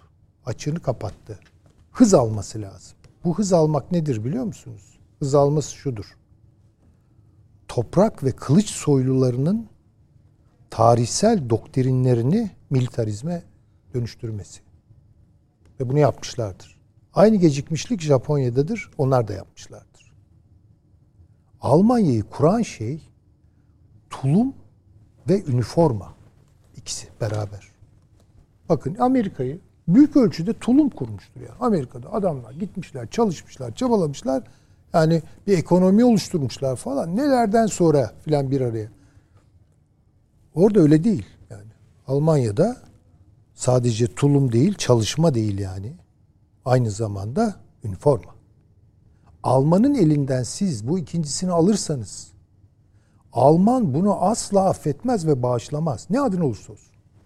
Daima bir yerinde bu makus talihi kendisi için tırnak içinde söylüyorum. Değiştirmek için bütün fırsatları kollayacaktır. Bakın İkinci Dünya Savaşı'ndan sonra Amerika'nın derdi imanı Almanya'yı kontrol etmektir. Yapamadılar. Yapamadılar. Nasıl yapamadılar? Ya şimdi adamın elinden ordusunu alıyorsunuz. Aa bir bakıyorsunuz oraya yatıracağı kaynakları da bu sefer ekonomisine yatırıyor. Öyle bir ekonomik güç haline geliyor ki siz onu kontrol edemiyorsunuz. Amerika tüketim toplumu olurken Almanya üretim toplumu olmakta direndi. Ve ne yaparlarsa yapsınlar. Yani nasıl engelleyeceklerini şaşırdılar. Yaptıkları ilk şeyi söyleyeyim ben size. İşte bu petrol meselesini Almanya'nın başına sardılar. 1973 Almanya içindir. Biraz da Japonya içindir. Ya bu şu demek. Yani üretiminizi pahalı hale getiririz ha. Öyle bizi e, boşaltacak üretim yapmayın. Çünkü ekonomik olarak Amerika'nın fire vermesi, verimlilik kaybına uğraması 1950'lerden sonradır. 60'lar 70'ler Almanya pik yapıyordu o sırada. 40 milyar mark açık pardon ekonomileri fazla Fazla verdiği verdi. için petrol krizini çıkarttılar. Ama kesmedi bu gene. Almanya gene alıyor, gidiyor. Devam ediyor yani. Doğu Almanya'yı başlarına bu yüzden bela sardılar Almanya'nın. Hani masrafları artsın da bir dursun. Durmadılar. Durmuyorlar. Detroit'i bitirdiler. Amerikan arabalarının efsanesini çökerttiler. Makine kimyada yanlarına varılmıyor. Şimdi böyle bir Almanya'dan bahsediyoruz. Problem bu Almanya'yı durdurmak. Bir de Rusya ile anlaştı mı size? Enerjisini de ucuza getirmeye başladı mı size? Bütün bu badireler bu yüzden çıktı. Bu bir adı konmamış Amerika Birleşik Devletleri Almanya savaşıdır. Şimdi Almanya ne yapmaya çalışıyor? Tabii bir de tabii ne yaptı? Biden geldi. Ordusuyla bilmem nesiyle kendini gösterdi. Kendi yandaşlarının iktidara gelmesini sağladı. O trafik lambası odur. Ve tabii Almanya'nın üstüne çöktü şu an. Çöktü. Ve Almanya şu an Rusya'yı kaybettiği için ağır bir enerji harcaması. Fiyatlar artıyor, maliyetler artıyor vesaire. Net bu budur. Üstüne bir de Ukrayna'nın maliyeti de Şimdi bindi. dolayısıyla Almanya'nın Türkiye seçimlerine müdahil olmasını nasıl okuyacağız? Bu okumak lafı da benim de dilime Ne saçma sapan bir şey. Neyse ya nasıl değerlendireceğiz? Okuyun hocam okuyun. Aman ben okumayayım. Ee, çünkü geçenlerde izlediğim bir e, sohbette bir zat çok akıllıca şunu söyledi. Dedi ki yani biz ciğerini okuduk, gözünü okudum, her türlü okumayı yapıyoruz da kitap okumuyoruz falan dedi. Doğru. Onun için bu okumak lafına duyduğum saygıdan ötürü kullanmayacağım onu. Şimdi bakınız. Bu Almanya'nın hala derinlerinde bir Almanya olduğunu. Yani Yunus Emre'nin şiiri bir ben vardır benden içeri der ya. Bir Almanya vardır Almanya'dan içeri. Ve bu Almanya çıkış yolu arıyor. Çünkü biliyor ki geleceği Çin'le işbirliğine gidecek. Yani Çin'le öpüşmeden, kaynaşmadan nefes alamayacak Almanya. Almanya olamayacak. Amerika da bunu engellemeye çalışıyor. İngiltere de bunu engellemeye çalışıyor. Bu Rusya'nın şey Almanya'nın Türkiye'de yürüttüğü operasyonlar yani çoğunu bilmeyebilirim bile yani. Ama gördüğüm kadarıyla Almanya hesabına yapılmış işlerdir. Bunun NATO ile falan ilgisi yok. Ben söyleyeyim. Ya bunun Amerika ile falan ilgisi yok. Amerika bu seçimleri nasıl karşıladı? Ya Amerika söyledi işte Biden zaten istemiyoruz dedi Erdoğan dedi. Yani Tabii yani Erdoğan kaybetse Yani, mutlu ha, olacaklardı. Şu an Biden'ın gündeminde Türkiye mürkiye yok. Amerikan Zaten siyaseti- oralar çok karışık diyor Hah, hocam. güzel, bak, Soruyorlar. Biden'a. O bölge yani. zaten karışık. karışık O diyor. bölge diyor. karışık Aslında diyor şunu ya. söylüyor Amerika çok karışık. Çünkü Amerika'da e, temerrüte düşme tehlikesi var. Konuşuyoruz. Hiç şey borçlanma tavanını e, şey yapmıyor. E, Çok çok önemli bir konu o da neyse. Baya baya gidiyor. Bu ayrıca bir program gerektirir yani. Tabii. Ben de takip ediyorum o işi. Yani şu an böyle Türkiye'yi falan düşünecek durumda değiller. Onun için böyle bir şeye imza yani isterler tabii hoşlarına gider. Erdoğan Süleyman Hocam aslında şu başlığın altında konuşuyoruz. Avrupa'da Amerika Birleşik Devletleri de Türkiye'deki seçimlerin gidişatının kendi jeopolitik çıkarlarına uymadığı fikrindeler. Tabii canım Çeşitli yani. kalemleri var. Bütün konuşmalar bunun üzerine esasında.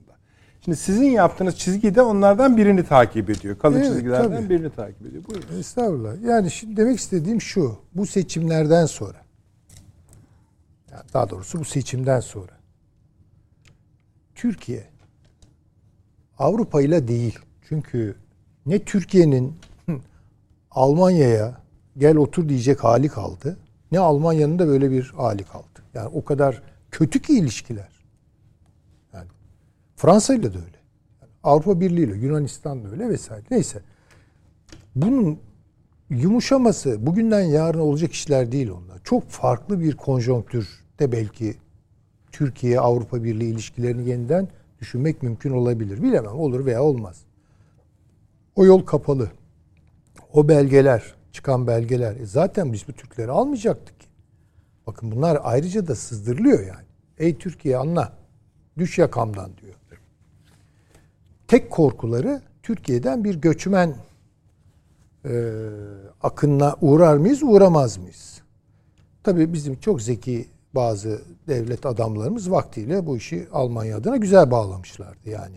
Yani biz onları buradan kıpırdatmayız. Siz de acık bize bir şey yapın falan gibi böyle tuhaf bir hesap şey yapıldı. Neyse. Tek korkuları o. Amerika Birleşik Devletleri ile Türkiye arasında evet gerilimler yaşanıyor, birçok şey yaşanıyor vesaire. Türkiye'yi gözden çıkardığını, çoktan umuruna koymadığını ve bunları anlatıyoruz zaten. Ama Türkiye Avrupa ilişkileri özellikle Almanya mahreççi üzerinden düşünecek olursak, Almanya mahreçli düşünecek olursak pragmatik değildir. Bakın, pragmatik değildir.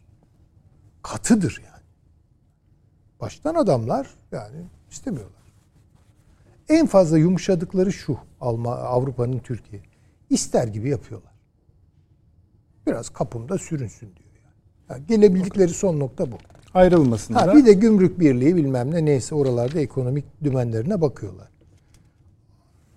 Ama İngiltere için ve e, Atlantik için daha doğrusu Türkiye Atlantik ilişkileri tuhaf esneklikler, esnemeler kazanabilir. Yani bilmiyorum tabii. Bakıla, bakılması lazım. Çünkü tarihsel bir hınç yoktur arka planında. Arka planında tarihsel bir hınç yoktur. Bu resentiment, bu hınç denilen hikaye çok önemlidir devletler arası münasebetlerde. Hani şöyle denir ya, efendim devletler arası ilişkilerde öyle şeyler olmaz, çıkarlar vardır falan. E öyledir ama öbürü de vardır. Öbürü de vardır canım. Olmaz mı ya? Basbaya hınç birikimi yani. Türk deyince adamlar anladıkları bir şey var yani ve bunu değiştiremiyorsunuz siz. Yani 40 yıllık değil birkaç asırlık kani yani ne olmuyor işte yani. Ne, ne yapalım? Böyle bu. Bunu veri almak zorundayız. Ama İngiltere için veya Amerika Birleşik Devletleri için başka türlü bakarlar onlar. Başka türlü bakarlar.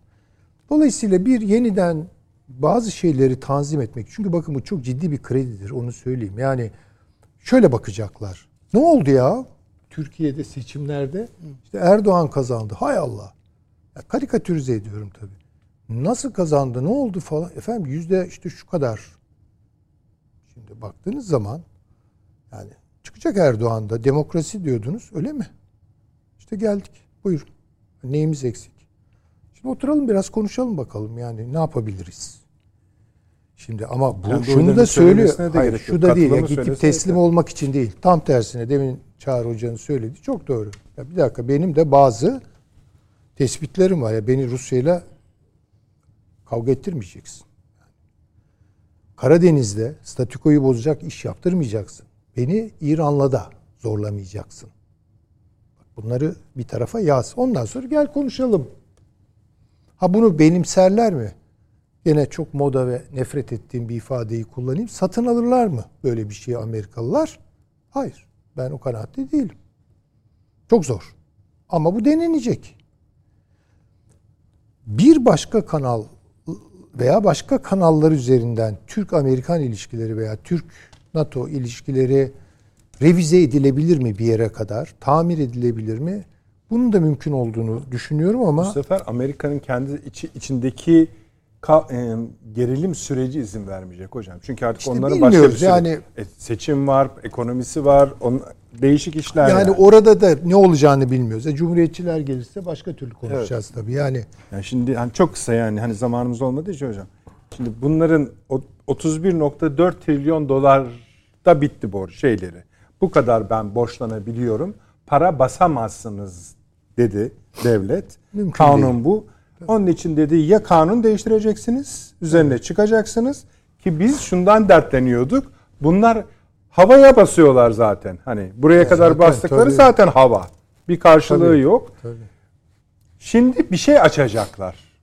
Yani bir rakam yeni bir rakam koyacaklar. Ama ya o olsa bile daha kötü batmak için Tabii çünkü hani neyin karşılığı tabii. bir, iki kaç para, üç tabii. Cumhuriyetçiler diyor ki tamam kardeşim biz size bir kıyak çekelim. Hani omuz verelim.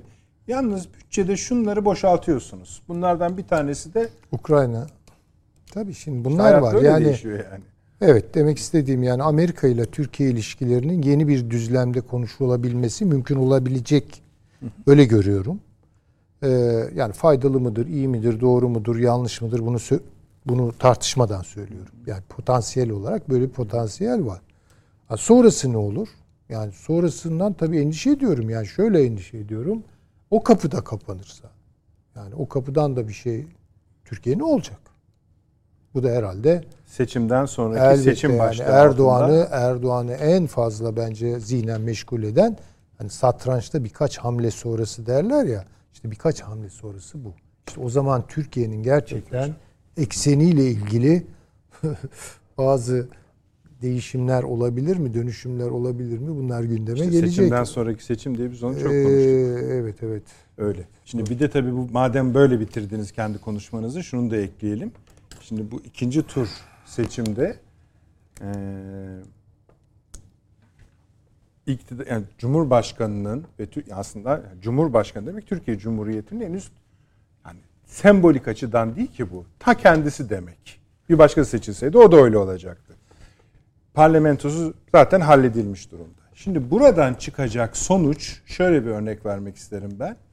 Ee, şimdi mesela Sayın Sinan Ogan %5 aldı ve bir pazarlık yürütmek istiyor ya da yürütüyor bilmiyoruz her neyse.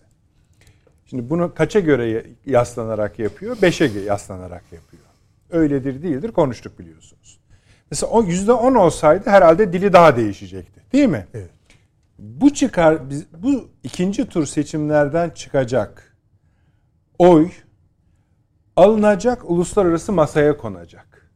Onun için seçmenin hani birinci turu yetmez dediği Sayın Cumhurbaşkanı'nın biraz bu. Bunun iyice yukarı olması gerekiyor ki istiyor, al bakalım kardeşim biz de bu oranları siz dediniz. Bunu çünkü. konuştuk yani ben hatta kendi Tabii, tabii. tahminimi de söyleyeyim. Yani ben e, Erdoğan'ın yüzde 50 nokta Beş diyelim. 8, 5, 6 falan gibi seçileceğini öngörüsünde bulunmuştum. Bunu yakın çevreme, dostlarıma, sizlere de söylemiştik. Yani burada konuşmuştuk.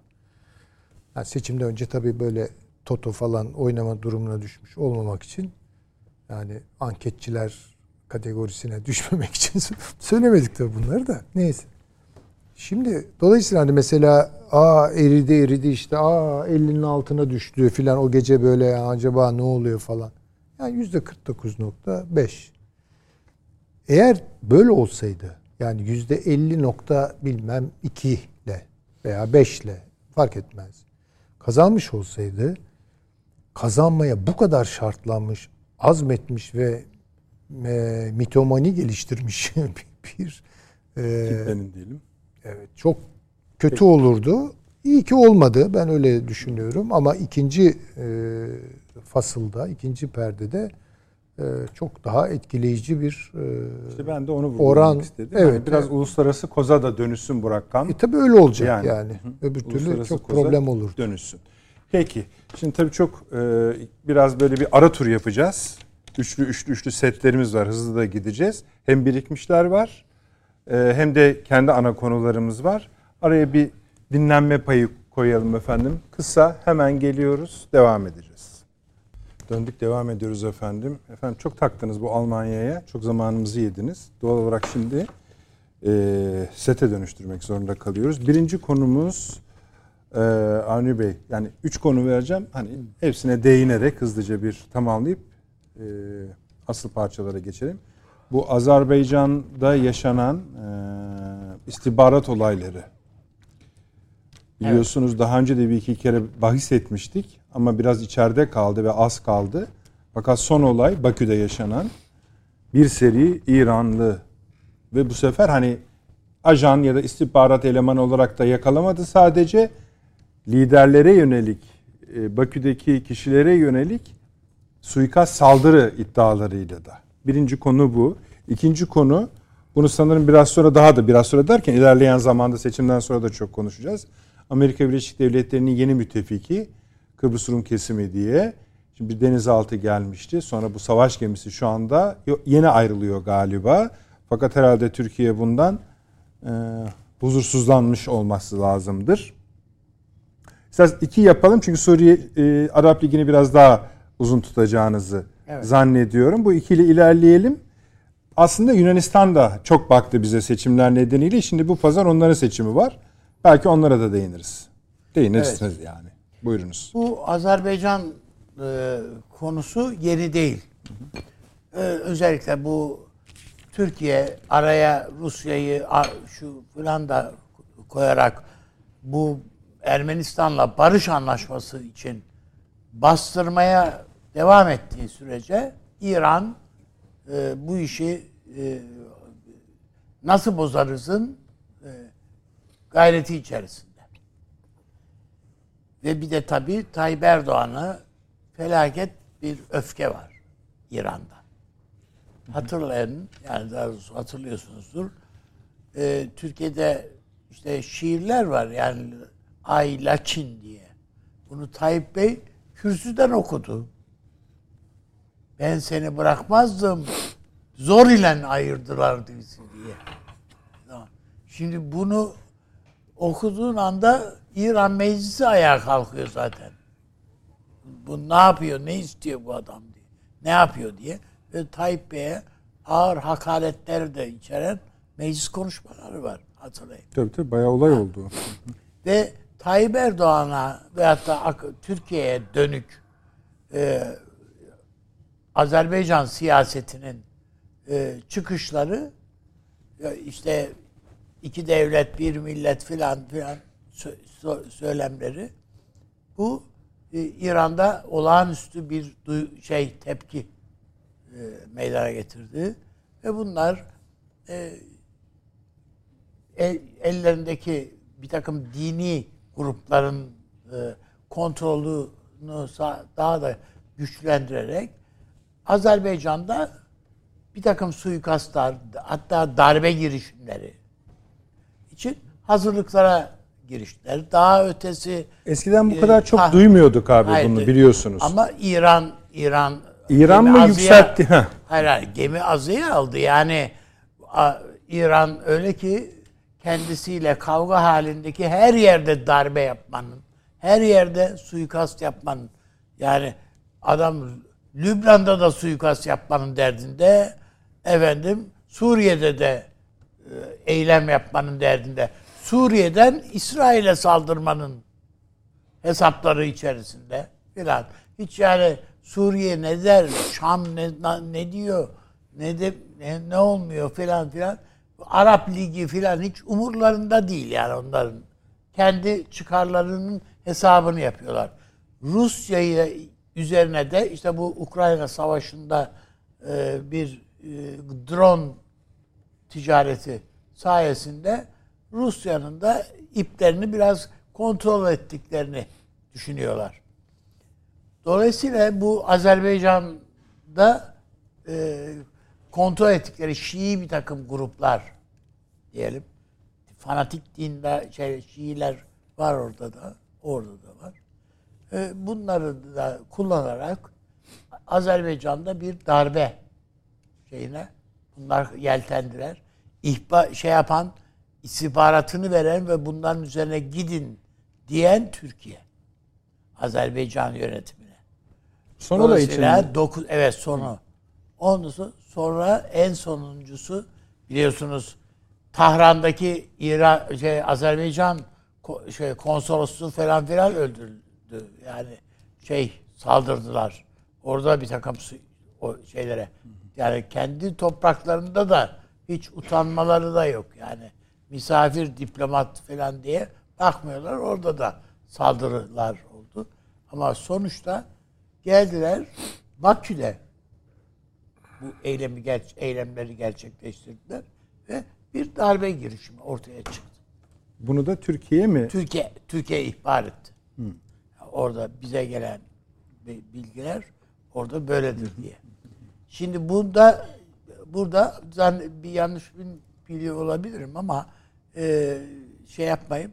E, Amerika'nın da yani bu İran'ın böyle bir faaliyeti Ha, böyle var, bir şey var. diye bir şey var e, orada. Dolayısıyla yani e, esas İran'ın kavgaya oturduğu ve hatta içine sindiremediği Türkiye ve Tayyip Erdoğan. Bu Suriye barışında da işte en son demin onun için söyledim. Yani e, Rusya e, Halep ve Laskiye de, de burada e, gerginliği azaltma hat şeyi diye bölgesi diye bir yer oluşturdulardı bu. Laskiye taraf falan öyle bir şeydi. En son Rusya Rus hava kuvvetlerini kullanarak İran Rusya yani bombardımanı yapan Halep'te. Ee, İran adına orada temizlik yaptı Rusya. O bakımdan bu İran'ın e, bölgede her ne kadar biz e, işte Suriye'de hepimiz birlikte oturalım bir barış şeyi filan hiç Türkiye ile filan bu işleri birlikte planlamanın e, derdinde değil İran. İran kendi çıkarları neyi gerektiriyorsa bu bölgede yani bu işte Suriye'den bir açıklama geliyor ya e, Türkiye burayı boşaltmalı. Terk etmeli yani Suriye'yi diye. Suriye yönetiminden geliyor. Onu Suriye yönetiminden geldiği diye değil. Bunu esas söyleyen İran. Türkiye derhal boşaltmalı orayı diye. Ve nitekim ondan dolayı da Şam yönetimi e, boşaltmadan biz oturmayız. Barış barış diye de bir şey yok yani. Bunu unutun Peki. diyor Türkiye. Tamam. Onun için ben e, o e, İran meselesi son derece bana göre netameli bir mesele. Bu demin Almanya'yı konuştuk. Almanya'yı da daima e, şimdi için değil, ta 16. yüzyıldan beri, bırak hatta 15. yüzyıldan beri e, yani Avusturya Macaristan İmparatorluğu'nun da sonradan e, bütün himayesi ya da işbirliği İran olmuştur. Persler. O evet. kadar. Ne zaman bakın mesela tarihe de açın önünüzde bakın. Ee, Kanuni'nin diyelim ki Bağdat Seferi hatta 4. Murat'ın ne zaman Osmanlı ordusu İran üzerine sefere çıkmaya kalksa Batı'da savaşa oturdular. Almanya Türkiye'ye savaş açtı. Onun için yani bu Almanların filan koltuklarının altında gezer bu İran. Koltuklarının altında. Bütün İran'ın bütün o e, istihbarat suikastçı... Tamam ben açtım da konuyu hırsınızı alamıyorsunuz. Tabii tabii tabii. İran yani bütün istihbaratının suikastçılarının bütün e, eylem yaptıkları, suikastlar düzenledikleri yer Almanya'daki lokantalar. Peki. Lüks lokantalar. Oralarda yaparlar. Teşekkür ederim. Süleyman Hocam buyurunuz. Estağfurullah. Şimdi bir kere şu var. E, bir haberi atlamayalım. E, dört gün galiba kapandılar. Paşinyan'la hı hı. Aliyev. Şimdi Moskova'da şey, affedersiniz. İki, iki devletin dışişleri bakanları e, Ceyhun Bey'le diğeri. Şimdi aklıma gelmedi. Yani Azerbaycan, Ermenistan Ar- Dışişleri Evet, Bakanı. Azerbaycan Dışişleri Bakanı ile e, Ermenistan Dışişleri Bakanı dört, dört gün Amerika'daydılar. Dört gün. Ve çok önemli gelişmeler oldu. Ve en sonunda Paşinyan açıklama yaptı. Biz dedi, dedi. evet. Biz Neyi dedi Az estağfurullah. Azerbaycan'ın şu kadar kilometre karelik toprağını, Toprak bütünlüğünü, bütünlüğünü tanıyoruz. Şeyde içinde. Yani evet. bu şu demek. Karabağ meselesi bitti demek yani. Ha. Bu ara kıtırını atmıyor mu? Atıyor. Laçini filan devreye sokuyor. İşte ne olacak diyor oradakiler diyor filan. Onların güvenliği şusu busu. Ama en azından şunu artık iddia etmeyecekler. Yani burada özellik olacak da işte orada bir 20 bin Ermeni varmış Şimdi bunu kim yaptı? Amerikalılar mı? Elbette Amerikalılar yaptı. Ruslar yapmadı diyorsun. Hayır. Hı, değil. Ya bu Amerika'da konuşuldu. Çok mutlu oldular Amerikan otoriteleri.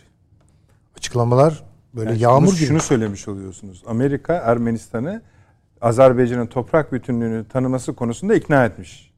İkna etmiş oluyor. Hı hı. Şunu da tabii bunu Azerbaycan'ın kara kaşı kara gözü için yapmıyor. yapmıyor. İsrail'in Rusya'yı orada eksiltmek için yapıyor. Şimdi anlaşılıyor ki Kafkasya'daki yırtık büyüyecek. Bir başka haber bol miktarda Suriye'deki o hani kamplarda tutulan DAEŞ'liler, maaşliler var ya özellikle Kafkasya kökenli olanları tekrar oraya yığıyorlar. Yani bu şu anlama geliyor. Şaşırmayacağız. Eğer kısa bir süre sonra inşallah tabii e, öyle olmaz ama Gürcistan karışırsa, Kafkasya karışırsa, e, diğer topluluklar... Oradaki haberleri de paylaşalım yalnız. Evet. Mesela Rusya, şimdi bu hafta sonu e, Rusya'da Ermenistan, Azerbaycan liderleri Ha, bir araya onu, geliyorlar. onu arz edecektim zaten. Bir de Gürcistan'la Rusya yeniden ulaşım yolu, hava yolunu kurdular. Amerika kıyameti Tabii, kopardı. İşte yani bakınız kavga büyüyor oralarda. Şimdi Rusya'da bunu görünce tabii bir dakika dedi ya bensiz olmaz dedi. Oturalım bu Minsk grubu tekrar bir toplansın bir bakalım edelim falan. Şimdi gördüğüm kadarıyla İran Türkiye ilişkilerine de etkisi olacak olan Bir boyut var. boyutu var. Yani Azerbaycan Ermenistan ilişkileri eğer Batı'nın istediği gibi giderse ve oradan Rusya eksilirse tamamen kağıt üzerinde konuşuyorum. Ve bu takdirde İran'ın süngüsü düşer. Yani ne yapacak yani İran? Ama İran Rusya ile birlikte bu duruma karşı şimdi hangi kartı açacaklar? Onu da bilmiyoruz. Yani orası bir kere karışacağına dair çok güçlü emareler olduğunu söyleyebilirim. Türkiye-İran ilişkileri şimdi çok tarihsel kökenlerine gitmek, inmek istemiyorum ama Pers-Grek savaşları bakın tekrar söylüyorum. Pers-Grek savaşları, Roma-Sasani savaşları, Osmanlı-İran Safevi savaşları. Bunlar belli bir tarihsel rasyonele sahiptir. Yani akışı içinde. Yani ne olarak? Jeostratejik olarak, jeopolitik olarak. O devrin şartları içerisinde. Ne Grek e, Pers savaşları taraflardan herhangi birine yar olmuştur. Ne Roma Sasani savaşları ne Osmanlı İran Safevi ve sonrası. Özellikle bu Irak üzerinde yapılan savaşlar, bu Bağdat, Basra meseleleri filan. En sonunda iki tarafta devlet aklını kullandı biliyorsunuz. İşte Kasr-ı Şirin anlaşması. Bence de tarihin şahitlik ettiği en sahih sınırlardan biridir orası. Yani hem kültürel olarak hem politik olarak Hem de doğru olarak yani o sınırlar... bence doğrudur yani. Çok sağlam bir sınırdır. Yani hiç tartışması da olmaz yani şurası burası falan. Tabii, tabii. Ve Türkiye buna sadık kalmıştır. Biliyor ki Türkiye de, İran'da 25-30 milyon civarında Türk kökenli e, insan yaşıyor ama asla kışkırtıcı olmamıştır. Asla. Buna mukabil İran tersini yapmıştır. Kürt meselesine dahil olmuştur. Alevi meselesine dahil oldu. Alevi meselesine e, biraz farklı düşünüyorum üstadım o konuda. Onun o işin e, müteahhitliğini yapan, taşeronluğunu yapan e, maalesef batıda bir güç. Yani bu çok konuştuk da Almanya. Almanya. Evet doğru. Evet. Neyse. Şimdi e, ben şu soruyu soruyorum. Bütün bu gerilimler... Aslında bakın bu eklediğiniz son cümle bile ilk konunun taşlarını nasıl yerlerini hatırlıyor. İç yani siyaset. Tabii tabii tabii. İşte oraya artık çok ne diyelim e, kıymetli dinleyicilerimiz, izleyicilerimizin e, arifane e, şeylerine bırakalım bunu. E, mütalalarına bırakalım. Ama anlaşılıyor yani hani şey gibi noktaları birleştirseniz resim çıkıyor. Ee, İran acaba hali hazırda Kasr-ı Şirin'i uyuduğu, kapatıldığı yerden çıkarıp ısıtıyor mu? Bakın bu bir soru. Peki. Bunun çünkü uzantıları şeyde devam edecek. Suriye'de devam edecek. Irak'ta devam edecek. Yani YPG'de devam edecek. Ve bu eğer Kafkasya'da e, Batı'nın ağırlığını koyması yani Fransa şey affedersiniz Amerika Birleşik Devletleri ve İngiltere'nin ağırlığını koyması Karadeniz'e nasıl yansıyacak? Bu Türk-Rus ilişkilerini nasıl ne hale Evet. getirecek? Şimdi o, onlar dalları saçakları. Ben İlk sadece önce, değinip tabii tabii kapatacağım. ana fotoğrafı Yani tamamdır bu çok doğru bir fotoğraf ve şey bir fotoğraftır. İlerleyen zamanda tehlikeli olabilecek bir fotoğraftır. Azerbaycan Ermenistan arasındaki ilişkinin Amerika Birleşik Devletleri'nde kotarıldıktan sonra ortaya çıkacağı Resim ne olacak evet, yani? Hangi taşları devirerek Evet. ve işte bakın hani darbe ve e, oradaki Bakü'deki operasyonların bir ucu da budur. Bir anda alev alıverir. Şimdi orada tabii başka güç daha var. İsrail. Daha gelemedik Çok şey oraya. çağrıştırıyor benim aklımda ama henüz girmeyeceğim oralara. Her halükarda bir Çok deform, deforme hal görmeye başlıyoruz. İkinci ayağı bu işin Balkanlar. Aman aman. Yani bakınız o Kafkasya ve Balkanların gelişmeleri Türk-Rus ilişkilerini belirleyecek. Türk-İran ilişkilerini belirleyecek. Orada kim kimi sıkıştırıyor çok dikkat etmek icap ediyor. Peki. Çağrı Hocam siz ne olur Kıbrıs tarafından başlayın da bari tur yani de geçebilirsiniz. O zaman bir elde. hatırlatalım isterseniz. Tabii, tabii, Siz e, programın başında ifade ettiniz ama yaklaşık iki saat geçti. Tabii O tabii, tabii. Buyurun, başında buyurun. Bir Amerikan destroyeri, Amerikan 5. filosuna bağlı bir destroyer. Kızıldeniz'den geçti ve e, Güney Kıbrıs Rum kesiminin limanı olan Limassol'e demirledi. Bu harekete evvela Kuzey Kıbrıs Türk Cumhuriyeti Dışişleri Bakanlığı çok sert bir tepki verdi.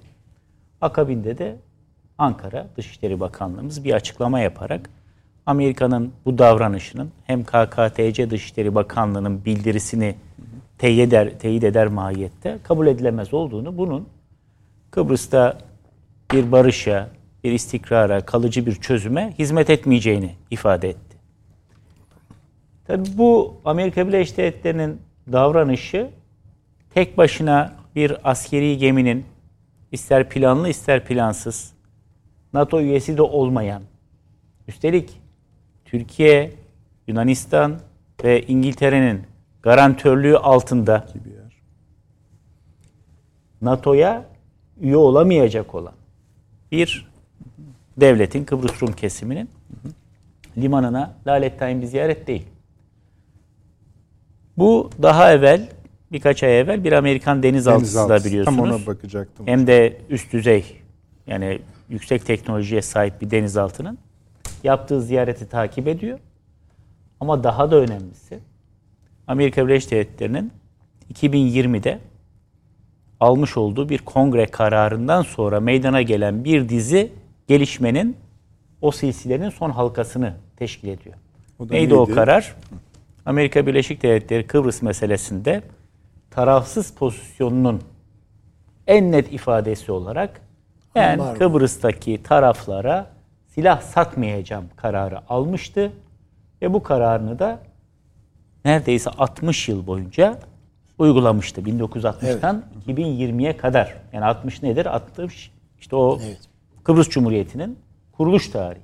60 yıl boyunca bu politikayı takip etmişken 2020'de Amerikan Kongresi Türkiye'yi doğrudan hedef alan, Türkiye'nin bilhassa Mavi Vatan coğrafyasındaki faaliyetlerini hedef tahtasına oturtarak Kıbrıs Rum kesimine tek taraflı olarak, Kuzey Kıbrıs Türk Cumhuriyeti'ne değil, Güney Kıbrıs Rum kesimine silah ambargosunu kaldırdı.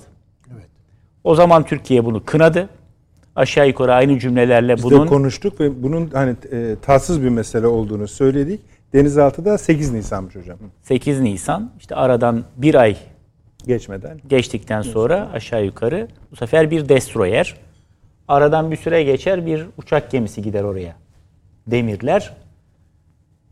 Çünkü bir burada bir plan var. Bunu ABD'nin Girit'teki ve Dede Ağaç'taki faaliyetlerini. faaliyetleriyle, yığınağıyla birlikte okumak lazım. Amerika Birleşik Devletleri'nin yeniden şekillendirmeye çalıştığı bir Akdeniz politikası var. Ve bu Akdeniz politikasının bir yerinde Türkiye'yi burada etkisizleştirme de var. Türkiye'yi rahatsız etme de var.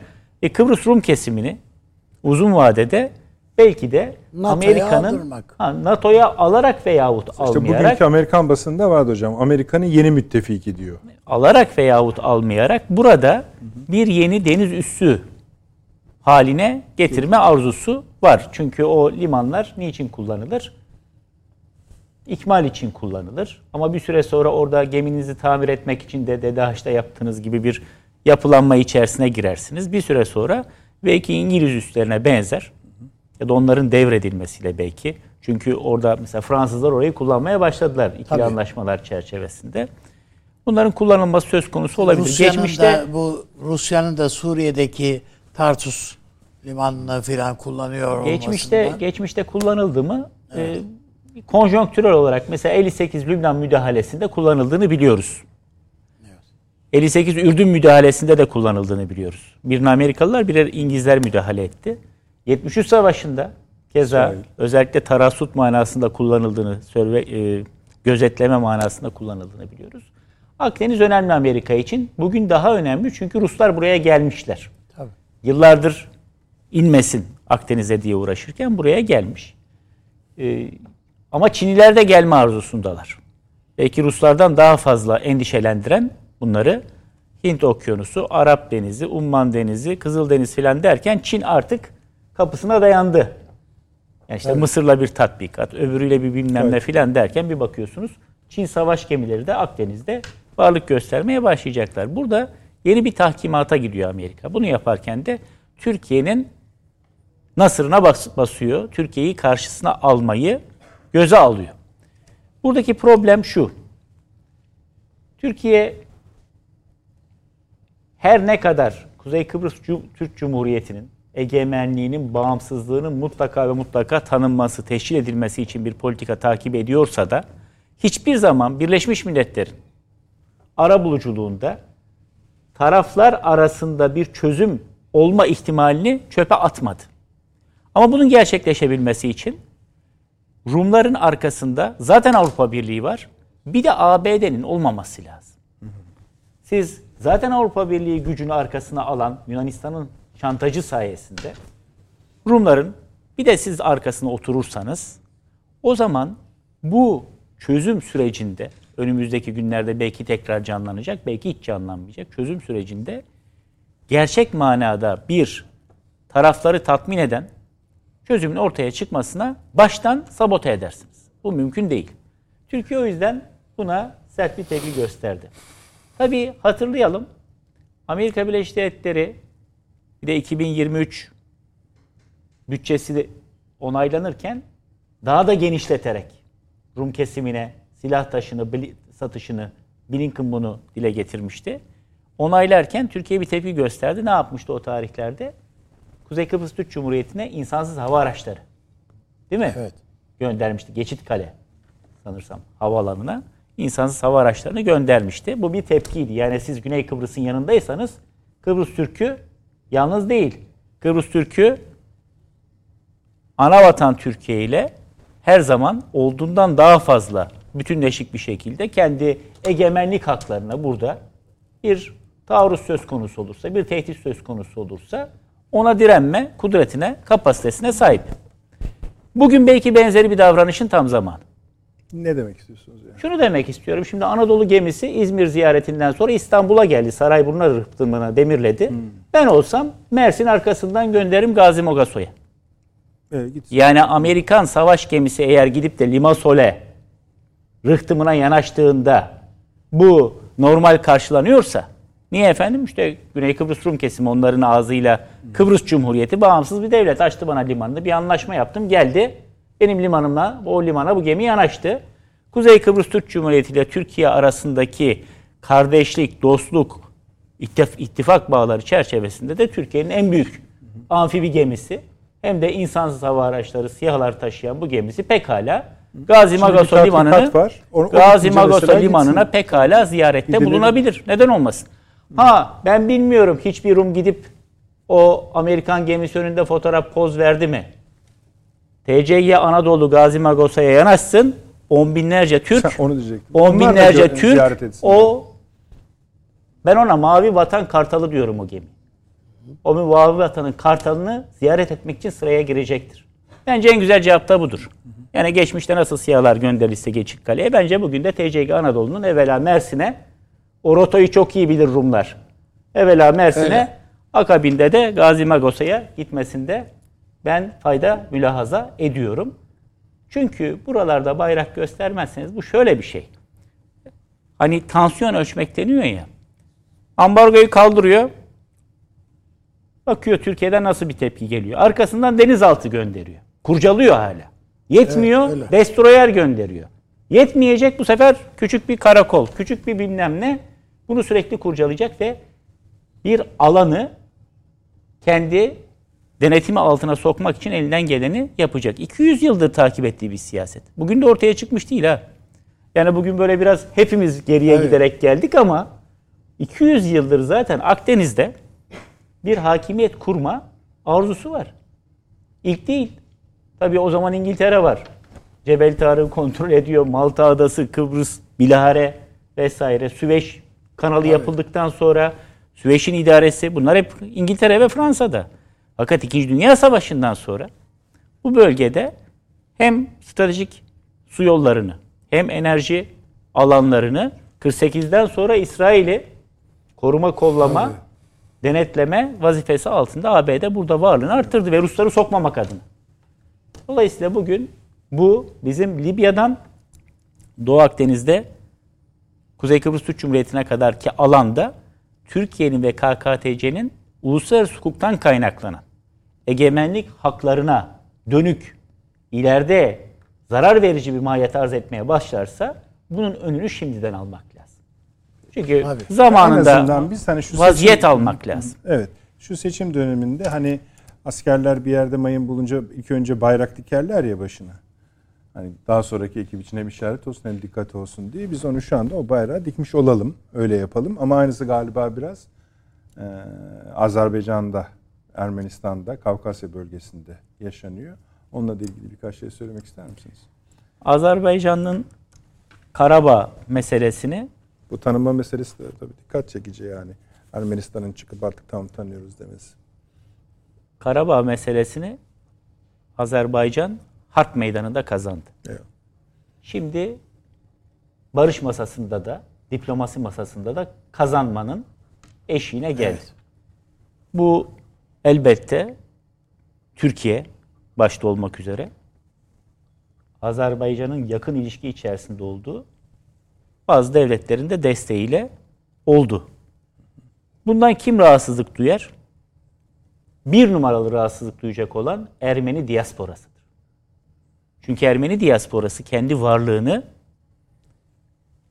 Türkiye'nin Ermenilere soykırım yaptığı, Azerbaycan'ın da tarihsel Ermeni topraklarını işgal ettiği yalanı üzerine inşa etmiş. Az önce hocamın başka bir grup için tarif ettiği ne demiştiniz? Mitomani mi?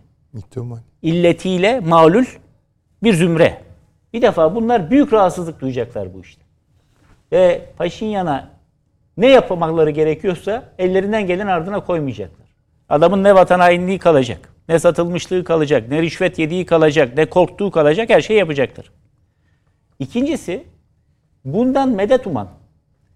Azerbaycan asla ayakları üzerinde duramasın. Her zaman kanayan bir yarası olsun. Her zaman o 1 milyon kaçkunun, göçmenin ekonomik baskısını hissetsin. Kendisinin kaynaklarını yeni yeni kendine geliyor bu ülke. Büyük ölçüde savunmaya harcasın ki ülke kalkınamasın diye arzu eden başkaları var. Az önce konuştuk. Doğrudan bir tehdit olarak algılayan, dolayısıyla harp esnasında Müslüman Azerbaycan'a değil, Müslüman olmayan Ermenistan'a yardım eden bir Müslüman komşusu var Azerbaycan. Hemen güneyinde. Onları rahatsız edecek. Başka kimi rahatsız edecek? Fransa'yı rahatsız edecek. Fransa o Mis grubunun kurulduğu günden itibaren bir elemanı. Bu nasıl bir tarafsız ülke ki? Bu ülke ABD'den sonra Ermeni diasporasına teslim olmuş bir başka ülke. Bize de en büyük zararı veren, diplomatlarımızın şehit edilme sürecinde, vatandaşlarımızın şehit edilme sürecinde sergilediği tavırla en fazla zararı veren Ermeni meselesinde ülkelerden bir tanesi. Bunlar rahatsız olacaklar. Ve tabii ki Ruslar. Hani biz yokuz burada ya. Biz olmadan burada çözüm mü olur? Burası bizim arka bahçemiz. Bunlar rahatsız olacaklar. Fakat ortada bir realite var. Harp meydanında kaybetmiş bir Ermenistan, üstelik kendi toprağını değil, zaten işgal ettiği, haksız hukuksuz yere elinde bulundurduğu ve emin olun bir gün zaten terk edeceğini bilerek ya bir adam bir fidan dikmez mi ya? Ben gittim gördüm oraları.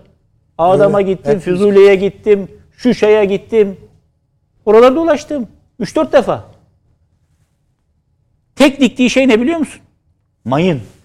Her yere mayın döşemişler. Bir gün burayı bizim elimizden tekrar alacaklar bunlar. Onu biliyor. Ama bu mayınları temizleyemesinler, bu mümbit araziyi ekemesinler, biçemesinler. Bir tane ev komamışlar biliyor musun? Öyle hocam gördüm. Camını, çerçevesini, kiremidini, Evet. her şeyini kaldırıp götürmüşler. Tek tük mesela Adam'da bir tane cami var ayakta kalan. Minaresi ayakta. Ama içi harap. İçi Arap. Niye minare duruyor biliyor musun? Onu kerteriz alarak bomba Ateş atmak için. Top atabilmek için. Düz yağlı. Top atabilmek için. Sıra sıra Majuna hattına benzer şekilde tel örgülerle Evet. cepheler ama bir tane fidan dikmemiş adam. Bir tane bir atölye, bir tane bir fabrika. Çünkü biliyor. Gasp ettiği bir toprak burası. Şimdi yenildin kardeşim sen. Hem de ciddi kayıplar vererek yenildin. Bir daha yapmaya kalksan bir daha yenileceksin. Çünkü Türkiye dimdik orada. Bak yenildiği tarihte harp esnasında olmayan bir şey iki senedir var. Ne o? Şuşa Deklarasyonu. İlham Aliyev'in ifadesiyle Azerbaycan'la Türkiye arasında müttefiklik anlaşması. Tabii. Anlaşmaya baktığın zaman Hala karargahımız orada. haza bir NATO anlaşması. Tabii. Birleşmiş Milletler Anlaşması'nın 51. maddesine atfen taraflardan birine yapılacak olan saldırı her ikisine yapılmış Aynen. sayılır. Ve askeri yardıma gelirim diyorum ben ya. Bunu göze alabilir misin sen Ermenistan? O sebeple bence Paşinyan bunun yol olmadığını gördü. Artık bir sulh en azından temin etmenin mecburiyeti altında kendisini hissetti. Hocam Tayyip Erdoğan ve hatta AK Parti e, hükümeti şu geçmiş hükümetler eğer 21 yıl içinde hiçbir şey yapmadıysa sadece Azerbaycan anlaşması Türk tarihi açısından bir anıt niteliğinde eserdir. Gazeteci soruyor. Efendim diyor sizin bu Azerbaycan'a yardım ettiğiniz, yardım edeceğiniz söyleniyor. Nasıl yardım edeceksiniz? Ne vereceksiniz? Silah mı vereceksiniz? Asker mi göndereceksiniz? Danışman mı yollayacaksınız? Şimdi bunlar zor sorular. Evet. İki devlet savaşıyor. Rusya var orada. Amerika var burada. İran var orada. Şimdi senin sınırında ama kardeşiz biz. Kültürel olarak dostluğumuz Evet. var. Türkiye'de 40 sene boyunca tantanayla bunlar kardeşimiz. Ya tamam da adamın canını okudular. Ya kardeşinse yardına git. Bunlar dostumuz, kardeşimiz, canımız, ciğeri. Vallahi canımız, ciğerimiz yanıyor ama falan. Ne dedi biliyor musun? Ya dedi uzatma kardeşim. Azerbaycan Türkiye'den ne yardım istiyorsa askerse asker, silahsa silah, ekonomik yardımsa ekonomik yardım. Ne yardım istiyorsa biz onu vereceğiz. Bunun ötesinde bir cümle söylenebilir mi? Ve verdi Türkiye. O, zaten şu o demek esas. O yardımı verdi. O yardım neticesinde de işte bu tablo ortaya çıktı. Ne var? Bugün Şey dedi, ortada. muhalefet de dedi işte CHP'nin sayın lideri işte son haritada gösterdi. Azerbaycan'a nasıl yardım edeceğini. Bugün bir Türk dünyası, Türk konseyi varsa Tabii. Karabağ zaferinin Evet. Türkiye'nin desteğiyle kahraman Azerbaycan Silahlı Kuvvetleri'nin temin etmiş olduğu o Karabağ zaferinin meydana getirdiği rüzgarlar. Çünkü sadece Türkiye'de değil. Türkmenistan'da, bak, tarafsız. Türkmenistan'da. Hepsi. Neye Türk- güvenerek? Türk şeyine geliyor, konseyine gelmek. Kazakistan'da, Kırgızistan'da ilk defa ya yıllardır çünkü bunlar eski Sovyet coğrafyası içerisinde birbirlerinden öylesine uzaklaştırılmışlar ki Stalin döneminde birbirlerinin dilini anlayamasınlar diye yok Kırgızca, yok Kazakça, yok bilmem Özbekçe diye diller oluşturmuş. Harfleri değiştirdiler, alfabeleri değiştirdiler. Alfabe Yani birbirleriyle alfabesinde görüşemesinler diye. Değişiklik Ama yaptılar. bu sosyal medya vesaire üzerinden o harp sırasında Azerbaycan Türkiye'nin göndermiş olduğu siyalarla vurdukça o Almatı'da, o Bişkek'te Evet. bir makes buldu. Hocam bir de adamlar orada sadece sihalar değil. F-16'lar oradaydı. Dolayısıyla bu Türk ha oradaydı tabii ki. Tabii. Bu Türk dünyasında Karabağ zaferinin meydana getirmiş olduğu dalgalanma neticesidir Türk Konseyi'nin varlığı. Evet. Ya bu Türk Konseyi Türkiye'de bir deprem oluyor. İlk koşturanlar gelenler, en büyük ekipleri gönderenler bunlar. Tabii. E bundan 15-20 sene evvel böyle bir şey düşünebilir Yok, miydiniz? yok. Çağrı Hocam. Diyorum ya onun O için. bu verdiğiniz yeni örnek bile aslında eski. Şimdi seçimler yapıldı ya. Biliyorsunuz birçok gözlemci geldi. Agit gözlemcisi de geldi. Fakat Türk Devletleri Teşkilatı da gözlemci heyeti gönderdi. Hepsine demokrasi örneği de aynı Evet, zamanda tabii. Türkiye. Ve Agit'le şeyin raporuna bakın. Türk Devletleri Teşkilatı'nın. O zaman zaten meseleyi çok iyi anlıyorsunuz. Hala bu kadar temiz bir seçimde bile e, Agit üyelerinin verdiği rapor aynı sanki 100 yıl önceki seçimi tabii o da bizdeki de değil. Onlardaki biz gayet 10 yıllardır iyi yapıyoruz. Ben size ilginç bir şey Hala aynı şeyleri söylüyor. Çok bir Ama anekdot hile var sadece. diyemiyor. Biraz uzun Yo, konuştum, diyemiyor. kusura Hayır, bakmayın. onu Öyle diyemiyor. Şey yapmayayım. Hani. Ben 1997 senesinde Agit gözlemciliği yaptım. Evet. Nerede? Republika Srpska yani Bosna Hersek oluşturulmuş Dayton Anlaşması'ndan sonra. O Dayton Anlaşması çerçevesinde bir Hırvat Boşnak Federasyonu bir de Republika Srpska, Sırp Cumhuriyeti var. Bunların üçü birden de bir konfederasyon oluşturuyor. Republika Srpska'da seçimler vardı. Bu seçimler hem o topraklarda hem de buradan göç, göç edip de Hırvatistan'a, Sırbistan'a, şuraya buraya gitmiş insanlar da oy versin diye oralarda yapılıyordu. Beni Hırvatistan'a gönderdiler. Agit gözlemcisi olarak. Tabii Dışişleri Bakanlığı adına gittik oraya. Başka arkadaşlarla beraber. Şunu gördüm. Yani demek ki 30 sene geçmiş hiçbir şey değişmemiş. Ya şimdi biz orada bir takım usulsüzlükler görüyoruz. Mesela ne yapıyor Sırp? Elinde dört tane kimlikle geliyor. Bu diyor babamın. Bu anamın. Bu da karımın. Anamla babam hasta. Karım da onlara bakıyor. Dört tane birden oy atacağım. Şimdi ben gözlemciyim. Müşahitler var orada. Tabii diyor normal bizde diyor. Bizde diyor bir gelişmiş demokrasi var. Şimdi nasıl getirsin babasını anasını şak şak şak atıyor. Şimdi biz yazıyoruz. Efendim böyle bir şey oldu burada. Çünkü bunlar tabii Evet. şeylerini o Sırp milliyetçileri sayılarını çok göstermek istiyorlar. Agit rapor yayınlıyor. Efendim çeşitli şekilsel usulsüzlükler olmakla beraber işte demokratik ölçülerde tezahür eden sandıkların şeffaf olduğu falan filan bir seçim olmuştu. Ya bunlar peşin hazırlanmış olan şeyler. Adamın raporunu okudum ben. Adam diyor ki her ne kadar işte demokratik usullerde genel olarak uyulmuş olsa da bir takım bu şimdi ayrıntısına girmeyeceğimiz bazı usulsüzlükler olmuş. Şimdi ayrıntısına girmeyeceğin çünkü tespit ettiğin bir şey yok kardeşim. Sana aşağıdan rapor edenlerin daha kanıtlarıyla ortaya koyamadığı için. Senin gözlemcinden değil sen kimden aldığını bilmiyor muyuz biz? Peki hocam. Yani işin realitesi bu. Yani bizim seçimlerimiz esasında bütün Orta Asya Cumhuriyetleri, Türk Cumhuriyetlerinin tamamı içinde bizim bi- bütün seçimlerimiz ama son seçim değil sadece. Hepsi için nasıl bir demokrasi inşa etmeleri gerektiğine ilişkin bir şeydir, Peki. ölçüdür. Efendim çok çok teşekkür ediyorum. Avni Bey sağ olunuz, var olunuz. Sağ ol. Süleyman Hocam ağzınıza sağlık. Çağrı Hocam eksik olmayınız.